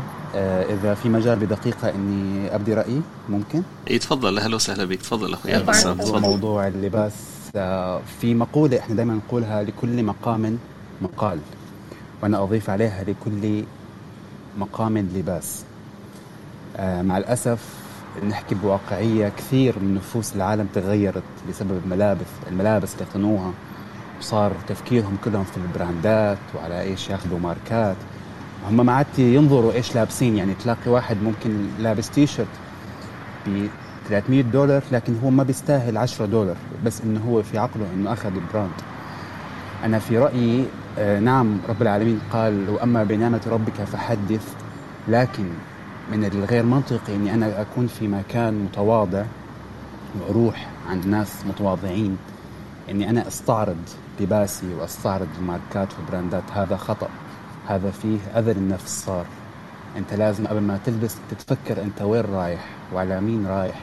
أنت لو تروح على عائلة بسيطة يا دوب يقتاتوا يومهم ويشتروا ملزماتهم فأنت من الخطأ إنك أنت تلبس ملابس غاليه الثمن لأن هذا صار في أذى صار في هذا أنت استعراض لملابسك استعراض مع آسف للتعبير على عقلك الخفيف اللي أنت صار ما عاد عندك تفكير في أمور الناس صار تفكيرك إنك أنت تستعرض وش اشتريت وشو أخذت وشو سويت وشو عملت. أنا برأيي اللباس يطلب أن يكون حسن المظهر يعبر على إنك أنت ابن بيئة راقية راقية بالتعبير. آه، مو مهم إنك تشتري ماركة ولا تشتري brand ما حد طالب منك أصلا. أنت لو في حاجة تشتريها brand ممكن تختارها بأماكن معينة تلبسها. تعرف وين رايح وين جاي. كفى أذى لعقول الناس وكفى وكفى أذى لنفسيات الناس بسبب إحنا شو بنفكر أنا شنو آخذ لباس شنو آخذ طرفات شنو آخذ ساعة. إحنا ظروفنا مختلفة من بيئات مختلفة. نحن واجب علينا أن نراعي ظروف بعضنا الآخر لأنه الله سبحانه وتعالى خلقنا رحمة لبعضنا البعض وليس نحسس الناس الآخرين بأنه إحنا في مفاضلة وإحنا في حرب في دنيا رح نستعرض أنفسنا على الآخرين. وشكرا كثير وأسف على الإطالة. شكرا لك آه، أخونا غسان وشكرا على المداخلة تاعك. كلام آه، في محله. وهذاك هو صح جوهر الحديث وجوهر ال- ال- المعنى والمغزى. آه، من شاف اذا كنت معنا لما اختنا وهبه قالت لنا المقولة في بداية ال- الكبسولة الثقافية. قالت لنا مقولة انه الوسطية هي التي يتحرها الإنسان. الإنسان يلبس اللباس الذي لا يستصغره العامه فيه وهو كذلك لا يحتقر الغير فيه. يعني لو الإنسان يسترعي هذه النقطتين ما يكونش هو في منصب علاء واستعلاء على الآخرين وكذلك لا يضع نفسه في منصب أنه الآخرين قد يحتقرونه للباسه. الوسطية هذيك مطلوبة. أكيد إحنا في عالمنا اليوم أصبح عالم ماركات وعالم بذخ وتبجل هكذا على الناس وابتذال فيه كثير لأنه أصبحت المادة هي المعيار للأسف. لكن في في ناس لا زالت تفكر بهذاك المنطق. والقول اللي قلته غسان هو أجمل شيء صح؟ لكل مقام لباس بارك الله فيك وأهلا وسهلا بك وأهلا شكراً وسهلا فيك. زي ما. تقولوا أنتم. شكرا شكرا. أهلا وسهلا. شكرا لكم استاذتي شكرا لك شكرا. أهلا وسهلا بك. تفضل خونا يوسف يمكن ولا حميد عنده مداخلة ون- وما مازلناش بزاف ونلغي ننهي اللقاء الصباحي تاعنا مع هذا المحور الذي اخترناه للدندنة الصباحية محور اللباس. آه، فاخونا يوسف وحميد و- وبعد ن- ن- نفوت يمكن الكلمات ختامية ولا أي واحد يحب يتدخل معنا. أهلا وسهلا. تفضل يوسف. اللي- اللي اللباس آه، يمثل هذيك la limite تما الحد ما بين l'intimité تاع la personne و la société تما راهو يجي تم هذه راهي هنا la limite. Donc c'est pour ça كاين تلقى لباس قصير لباس طويل لباس كدا تدخل فيها la pudeur تدخل فيها بزاف عفايس et ça c'est important مليح واحد يعرفهم parce que عندها إسقاط directe على الشخصية تاعنا. وتفكرت واحد التجربة كهضرنا من قبل على l'humeur على le mood تاع الإنسان. donc l'humeur تاع الإنسان يقدر يبان في في, في طريقة اللباس تاعو. وتانيك واش راهو يلبس على الإنسان يقدر يأثر على l'humeur تاعو على le mood تاعو. كاين تجربة داروها وين حكموا deux groupes فوجين. الفوج الأول آه، في زوج عطاو لهم tablier blanc مئزر أبيض. والأولين قالوا لهم هذا آه، المئزر تاع طبيب. والفوج الثاني قالوا لهم هذا المئزر تاع peintre. ومن بعد مشاو معاهم آه، ساعات هكا وبداو يديروا لهم تجارب خفاف يسقسوهم يشوفوا كذا et bah صابوا بلي النتائج جد مختلفة على الفوج اللي كان داير في بالو بلي لو لابس طبلية تاع طبيب. والفوج اللي لابس الطبليه تاع peintre لقاو باللي آه، كانوا ناقصين ف l'empathie كانوا مقلقين شوية كانوا يزربوا كي يدو décision et tout donc même واش رانا نلبسو؟ يأثر تانيك على l'humeur تاعنا. donc شغل آه، في اتجاهين. l'humeur تاعي يأثر على اللباس تاعي ويقدر اللباس تاعي يأثر على l'humeur تاعي aussi بارك الله فيك يوسف. آه، هذا صح هذا الكلام اللي قلته كله صحيح. الإنسان قد هو يتأثر باللباس تاعو قدر اللباس تاعو يبين بما بما هو متأثر. زعما الإنسان متأثر بحاجة يلبسها وأكيد وقابلها فيلبسها. وقادر اللباس هذاك ياثر في النفسية تاعو. مادام راه لابس مثلا اللباس تاع كما قلت أنت المئزر هذه مليحه لأنه المئزر صح تاع تاع الطبيب وتاع الرسام نفس الشيء. زعما واحد رسام يلبس مئزر أبيض واحد ممرض ولا طبيب يلبس مئزر أبيض.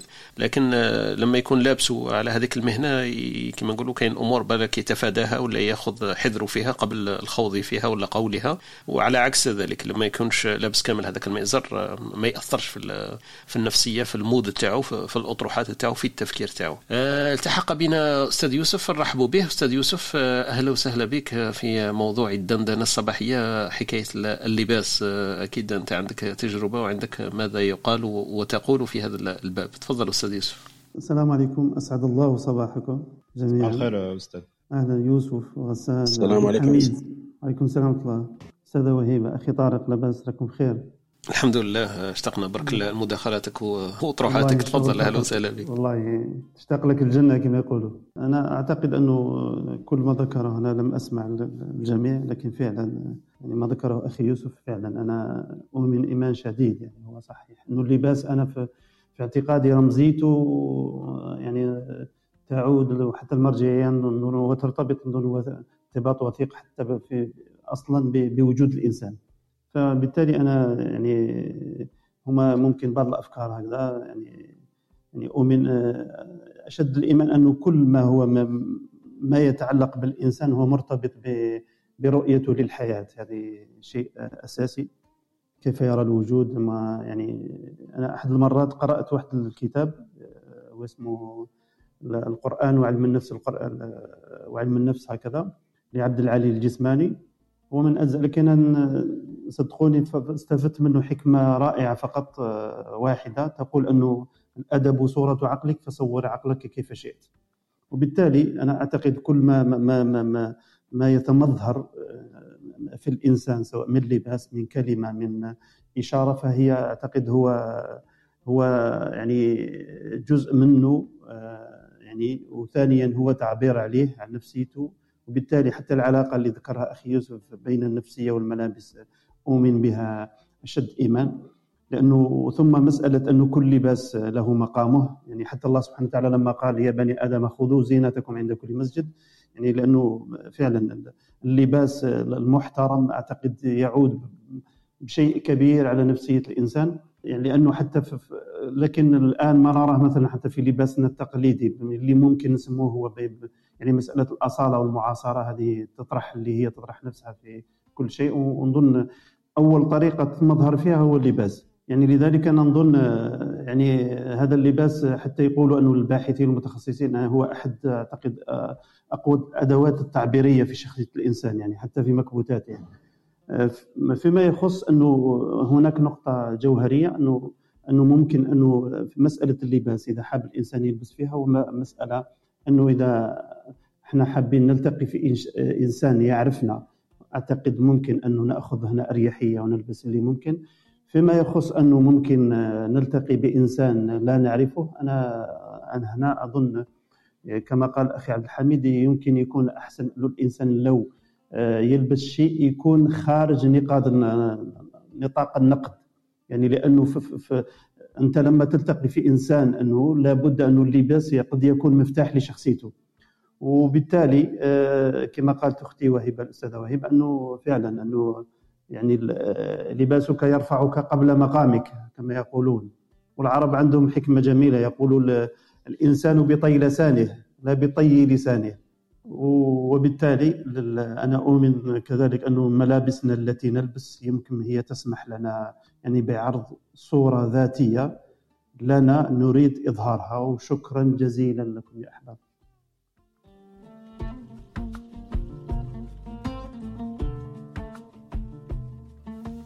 بارك الله فيك أستاذ يوسف وشكرا لك. الأدب صورة عقلك فصور عقلك كيف شئت. بارك الله فيك ويعطيك الصحة. شكرا على المداخلة تاعك أستاذ يوسف. راح نرجع أكيد لك في نهاية هذا اللقاء. ابقى معنا. حميد عندك ما تضيف قبل ما نفوتوا لأختنا وهبة؟ آه أنا كان عندي واحد دائما نخمم فيها هكذا ما نفهمهاش. مش عارف اللي الناس اللي عايشة في السعودية تفهم هذا الشيء.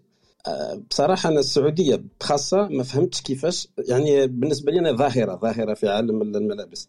لأنه كل يعني إذا رحت الرياض تلقى كل النساء لابسين زي واحد تقريبا. ما تقدرش تفرق بيناتهم لازم تشوف لازم لازم كيما نقولوا تحدق مليح حتى تعرف شو الفرق. بصح ما تقدرش تعرف هكا يبانوا لك كاع نفس الشيء. والرجال أيضا.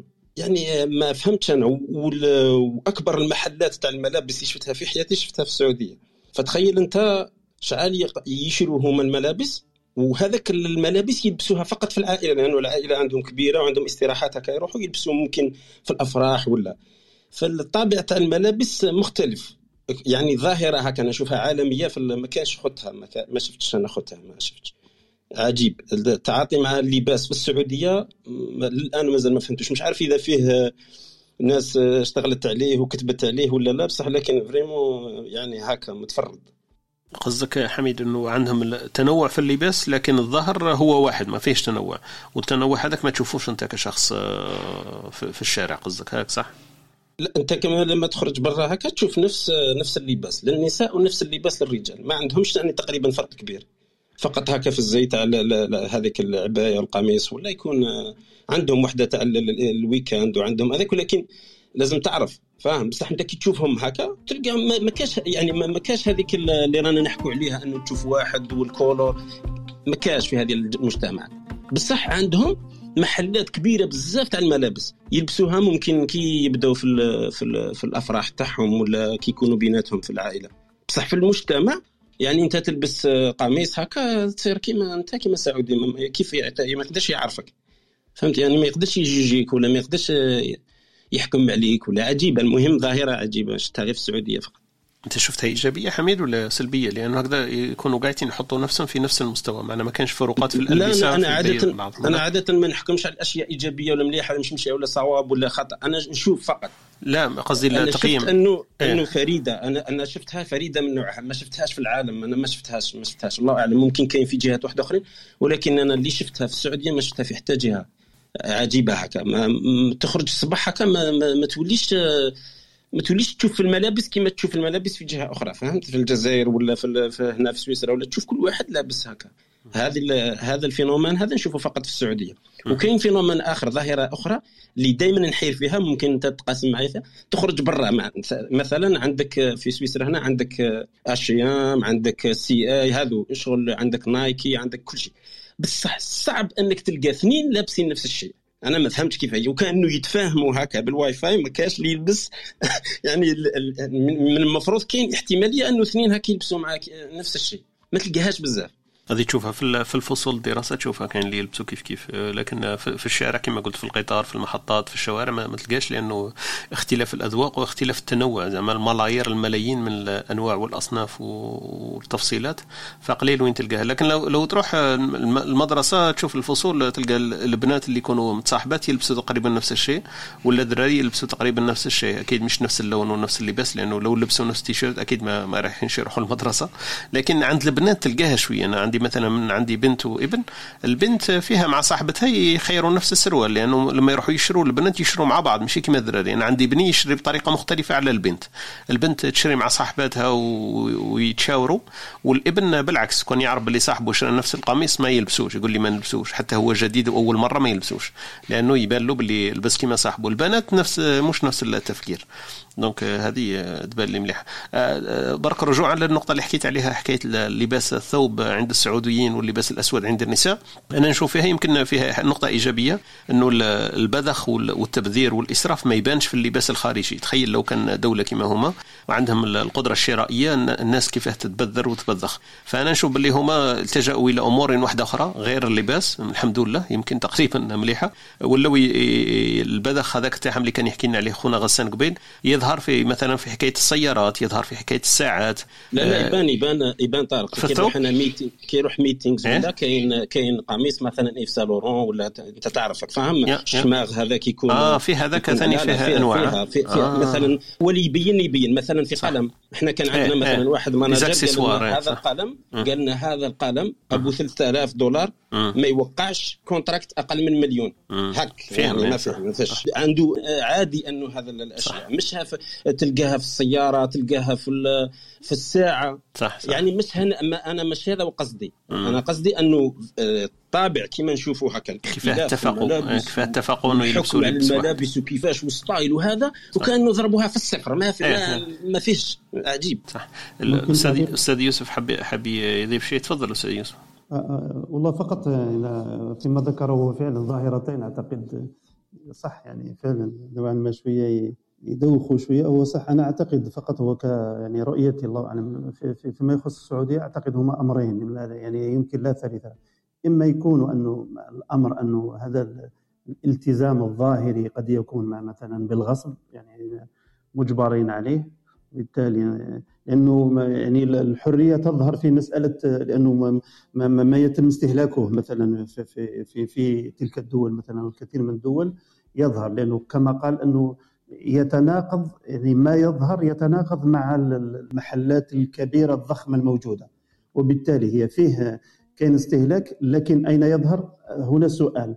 الأمر الآخر ممكن يكونوا وصلوا لدرجة حاجة مليحة أنه مثلا أنه فيه قناعة أنه بما يلبسون هذا شيء إيجابي. الأمر الآخر مثلا قال لك أنه هو ما يراه مثلا في المجتمع السويسري أنه مثلا أنه يستحيل أنه مثلا في يوم ما حد تلقى أنه واحد شبيه واحد في لباس معين يظهر لي هذه كذلك قد تكون إيجابية ممتازة كبيرة بمعنى انه الناس عكس ما نراه مثلا في السعودية انه الناس أخذ حريتها الكبيرة أنه يختار ما يحلو له ويلبس ما, ما يوده أو انها أن هؤلاء الناس خاضعين كذلك لنمذجة معينة أنه فيه موديلات ولا مثلا والله أعلم وشكرا لكم. بارك الله فيك أستاذ يوسف. أنا عندي لك سؤال أستاذ يوسف بما أنك مختص شوية في العربية وتفقه فيها شيئا ما. لما تسمع كلمة إزار كلمة عربية معناها شوية في في تفسيرك ماذا يعني؟ الإزار في اللغة العربية؟ أيوه. يعني هو اللي يمكن نقوله هو الفوطة يعني. هو هو غالبا ما يعني ما يلف على الجزء السفلي يعني. الإزار أوكي. بارك الله فيك شكرا لك أختنا وهبه اي الأستاذ غسان وبعدين نروح لأختنا وهبه تفضل أستاذ غسان. أول شيء أنا حابب أعلق على كلام الاستاذ عبد الحميد كلام جميل جدا. وأنا أحترم جدا في نقطة قالها إنه هو ما بيحكم إذا هذا خطأ ولا صواب هو يتفرج بس كل التقدير والاحترام لهذه الجملة. لأنه إحنا يا ريت نكون هيك إحنا بس نتفرج لا نحكم على الخطأ أو الصواب أو الصواب. عموما في دول الخليج العربي أخذ الطابع بأنه نوعا ما هو شعب مرفه يعيش برفاهية إلى حد ما.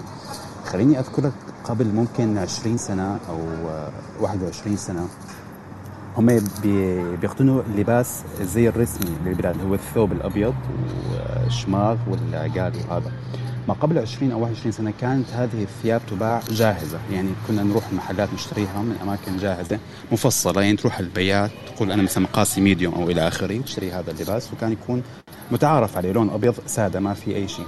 آه بعد فترة صار تفتح محلات آه، آه، مختصة لتفصيل هذه الثياب. يعني أنت ما تروح تشتريها جاهز تروح يكون في خياط مصمم وياخذ مقاساتك الصدر البطن الزند. يفصلها يجي هو الثوب شكله آه، مناسب لك أكثر. مع الأيام صار في بذخ بنوع القماش اللي يشتروه.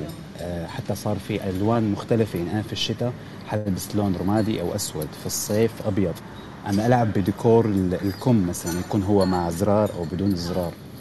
صار مع الأيام صار في حتى المحلات التفصيل تفتح صار في محلات تفصيل معروفة. يعني أنا قبل ما مثلا أحكي لك 20 سنة ممكن تقتني التوب ب 10 دولار أو 20 دولار ممكن مع الأيام وصل انت ل 500 دولار أو 600 دولار حسب نوع القماش المستخدم. هنا بلشت المفاضلة صاروا يفاضلوا يعني أنا مفصل ثوب في المكان الفلاني أو لمكان العلاني. بعدها تطورت الحال صاروا يهتموا بالاكسسوارز المستخدمة القلم. هل أنا مشتري قلم Cartier أو إلى آخره؟ نوع في شيء اسمه كبك وهذا يحط مكان الزرار تبع الكم اللي تقفل فيه الكم. كمان صار في مبالغة بالأسعار مبالغة بالمفاضلة بينهم. فأشكر الاستاذ حميد جدا على هذه النقطة. فعلا النقطه كثير مهمة إنه يتناقش فيها الواحد. بارك الله فيك أستاذ غسان. وصح هذاك هي المفارقة. أنا من هذاك الباب أنه الثوب أنا قلت لحسن الحظ يمكن ما فيش في المفاوضة لأنه كان الإنسان يبان بعدين التبجل والتبختر فيه. لكن نقطة أنه نفس الثياب تقريبا ألغت شوية هذيك النقطة إلا أنه الإنسان لذكائه وجد أبواب أخرى والكبك والقلم والأمور الأكسسوارات اللي قلت عليها. أهلا وسهلا بك أستاذ غسان وشكرا على المداخلة. شرف فيكم الجميع أهلا وسهلا فيك. على فكرة برك في, في جدة في جدة هذه ظاهره آه، أخف وطأ على الرياض. صح. آه، ممكن الاستاذ غسان يكون تعرف السبب السبب لأنه أهل جدة مش بدو الأصل. بحريين. بحريين ومخلطين يعني مخلطين صح. صح صح وما أهل جدة يفتخروا بهذه النقطة أنه بحريين ما مش صحراويين وبدويين وريفيين. صح بارك الله 100% إي بارك الله فيك. ومقابلين ضفة البحر مقابلين خاوتنا المصريين في الجهة المقابلة ومقابلين إي صح بارك الله فيك. حتى الناس لما كانت تهاجر إلى السعودية في زمن غابر كانوا يختاروا جدة. أنا عندي أهل من من الجزائر لما هاجروا في الخمسينات والستينات ذهبوا إلى جدة ما راحوش لمناطق أخرى. وكانت أكثر تفتحا وأكثر انفتاحا يمكن حتى في في الفترة الحالية أغلب اللي هاجروا إلى جدة أتوا من بلاد البخارى وشرق آسيا وإندونيسيا. صح بارك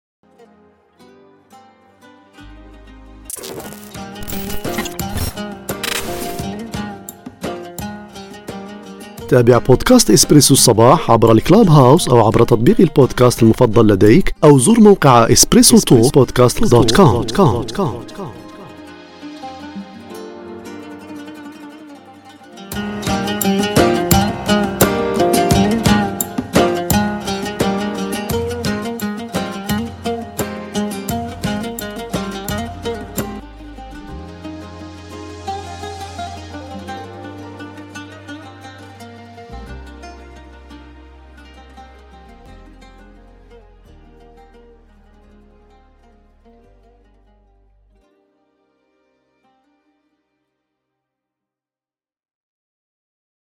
الله فيك. شكرا لك اخونا غسان. أنا طرحت سؤال عن إزار ليس لي كما نقولوا ليس عبثا. حبيت نفهم من عند اختنا وهيبة وش يعني لها إزار؟ تفضلي أختي وهيبة. إزار كما تعرفوا يعني شكرا أستاذ طارق. ولكن إيزار هي الماركة يعني أنا أطلقت ماركة الملابس الجاهزة.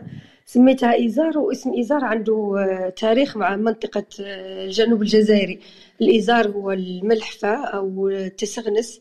هو رداء آه، مش مخيط آه، لبسوه نربطوه في الكتف أو نديرو عنده عقدتين اللي يسموها الخلالة آه، ويوضع على الرأس. يعني يلف به كل الجسم ويعقد في مستوى الكتف أو الكتفين ويوضع الباقي منه على الرأس. هو لباس خاص بالنساء. اذا من هذه جات كلمة إزار وأنا لقيت مشاكل كثيرة معاه لأن من الناس يقولوا لي باللي الإزار أكيد هو نوع من مفروشات البيتية. ولكن أنا استوحيت فقط الاسم من الثقافة الجزائرية الصحراوية وأطلقت هذه الماركة اللي هي نوع من اللباس الخاص بالنساء. أنا صنفها في ما يسمى اليوم بالمودست فاشن يعني اللباس المحتشم شوية. أنا حبيت فقط أني نوجد خط موضة أو لباس أو مجموعة تناسب المرأة الجزائرية وثقافتها وحياتها اليومية. لذلك اخترت هذا الاسم واخترت هذا التوجه. وشكرا لك. بارك الله فيك أختي وهبة. أنا نفس المصطلح اللي يمكن جاء في فكري لما سمعت كلمة ايزار هو نفس الشيء هو الغطاء الذي يضع يوضع على على الرأس ولا على الكتف بالنسبة للمرأة. هذاك إحنا ثاني نسموه الايزار دير ايزار على راسك. ما نقولوش ايزار على على بلايص واحدة أخرى.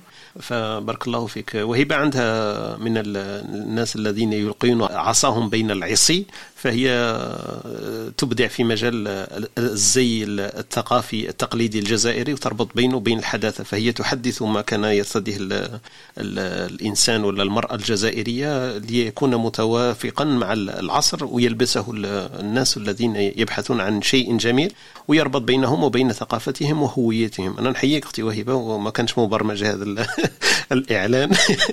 لكن بارك الله فيك أنا كنت عارف أن عندك عندك ماركة وعندك شركة هكذا في في هذا المجال تعمل لسمة ولا لصفة سامية وهي هذه تحديث اللباس التقليدي وتضعه بشكل عصري ليتسنى للجيل والشباب هذا أنه يلبسه افتخارا به ويكون متواظب مع مع الموضة ومع العصر. بارك الله فيك أختي وهيبه شكرا لك. طارق تفضل حميد. الفرصة فقط. وهيبة ماشي فقط ما بين ما بين الفولكلور ولا القديم والجديد.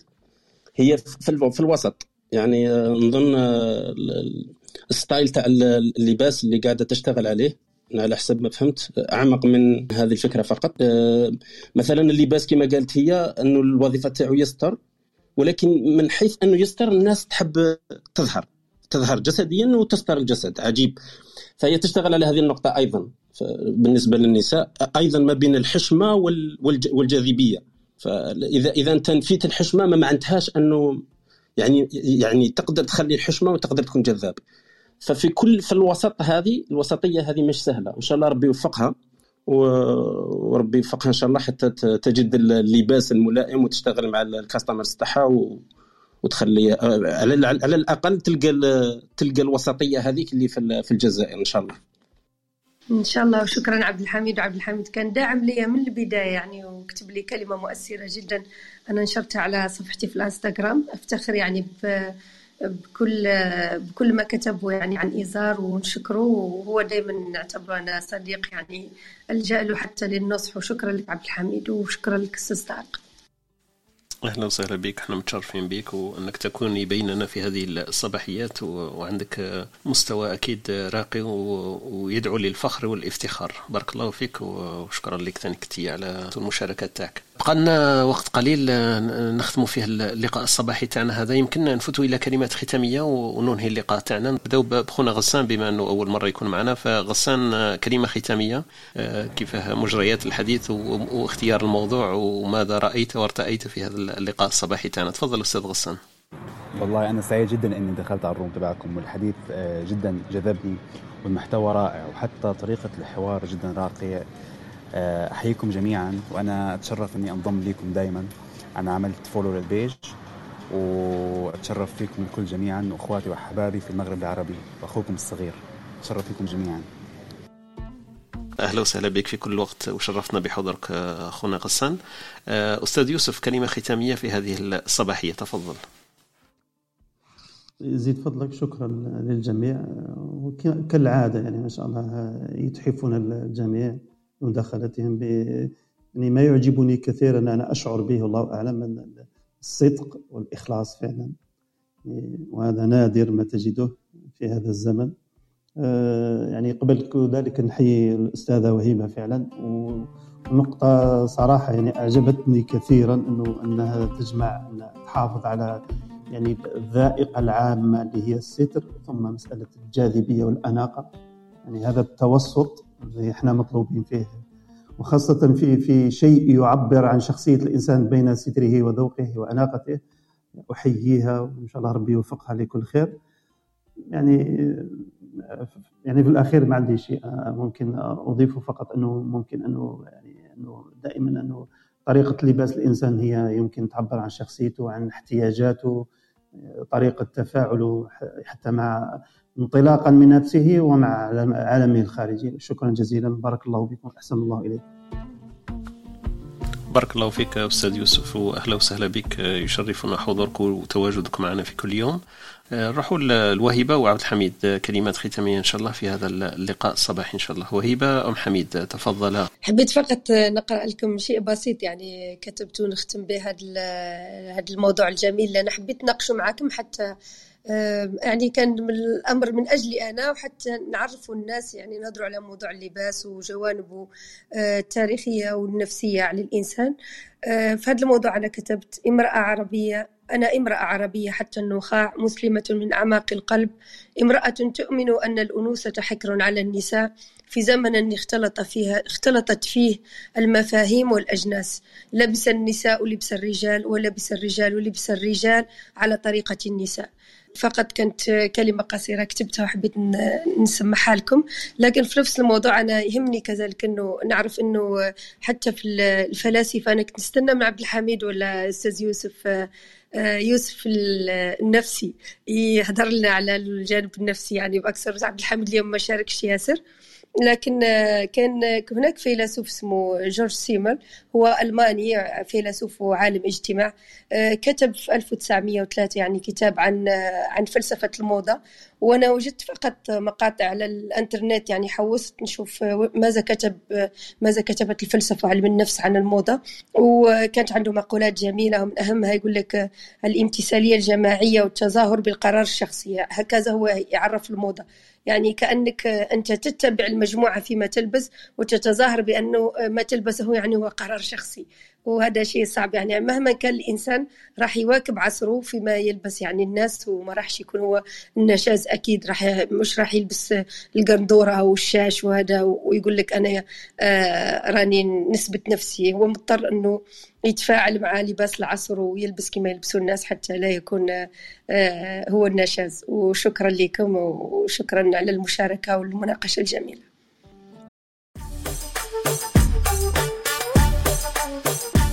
هذا البودكاست يأتيكم من استوديو تي حيث الإبداع لديه صوت. لتحصل على المزيد زر استوديو T dot FM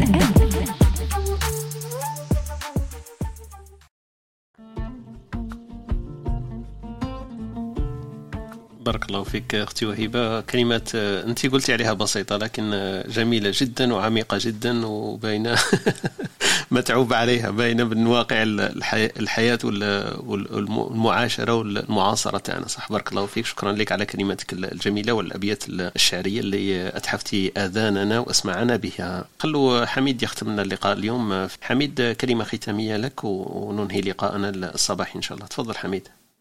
أنا نطلب من وهبه تعاود لنا هذيك الكتبة اللي كتبتها ماذا بين هذه هي الكلمة الختاميه اي خلاص. وهبه عاودي لنا الكلمات وأنا ندير لك back background music ندير لك آه، خلفية موسيقية وعاوديها لنا. شكرا. راح نعاودها يقول لك أنا امرأة عربية حتى النخاع مسلمة من أعماق القلب. امرأة تؤمن أن الأنوثة حكر على النساء في زمن اختلطت فيه المفاهيم والأجناس. لبس النساء لبس الرجال ولبس الرجال لبس الرجال على طريقة النساء. وشكرا.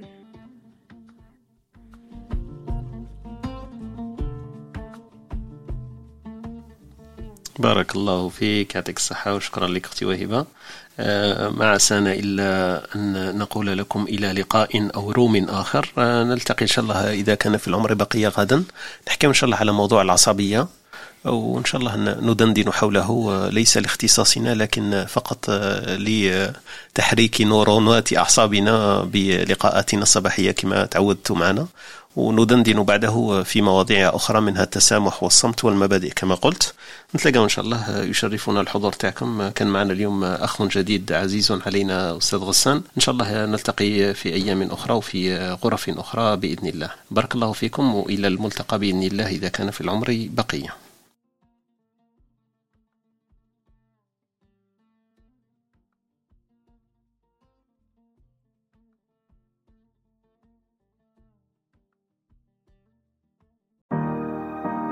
شكرا لاستماعكم لبرنامجنا. كنتم مع إسبريسو توك مع طارق. تابعونا live يوميا من الاثنين حتى الجمعة. تجدون تسجيل في شكل بودكاست على موقعنا M أو على سبوتيفاي أو أبل بودكاست أو منصتكم المفضلة للبودكاست. لا تنسى أن تشاركه مع من يمكن أن يهمه موضوع الحلقة. ليصلك تنبيه عند بدء غرفنا الرجاء الانضمام إلى ال club studio dash T dot FM عبر الضغط على البيت الأخضر في الأعلى.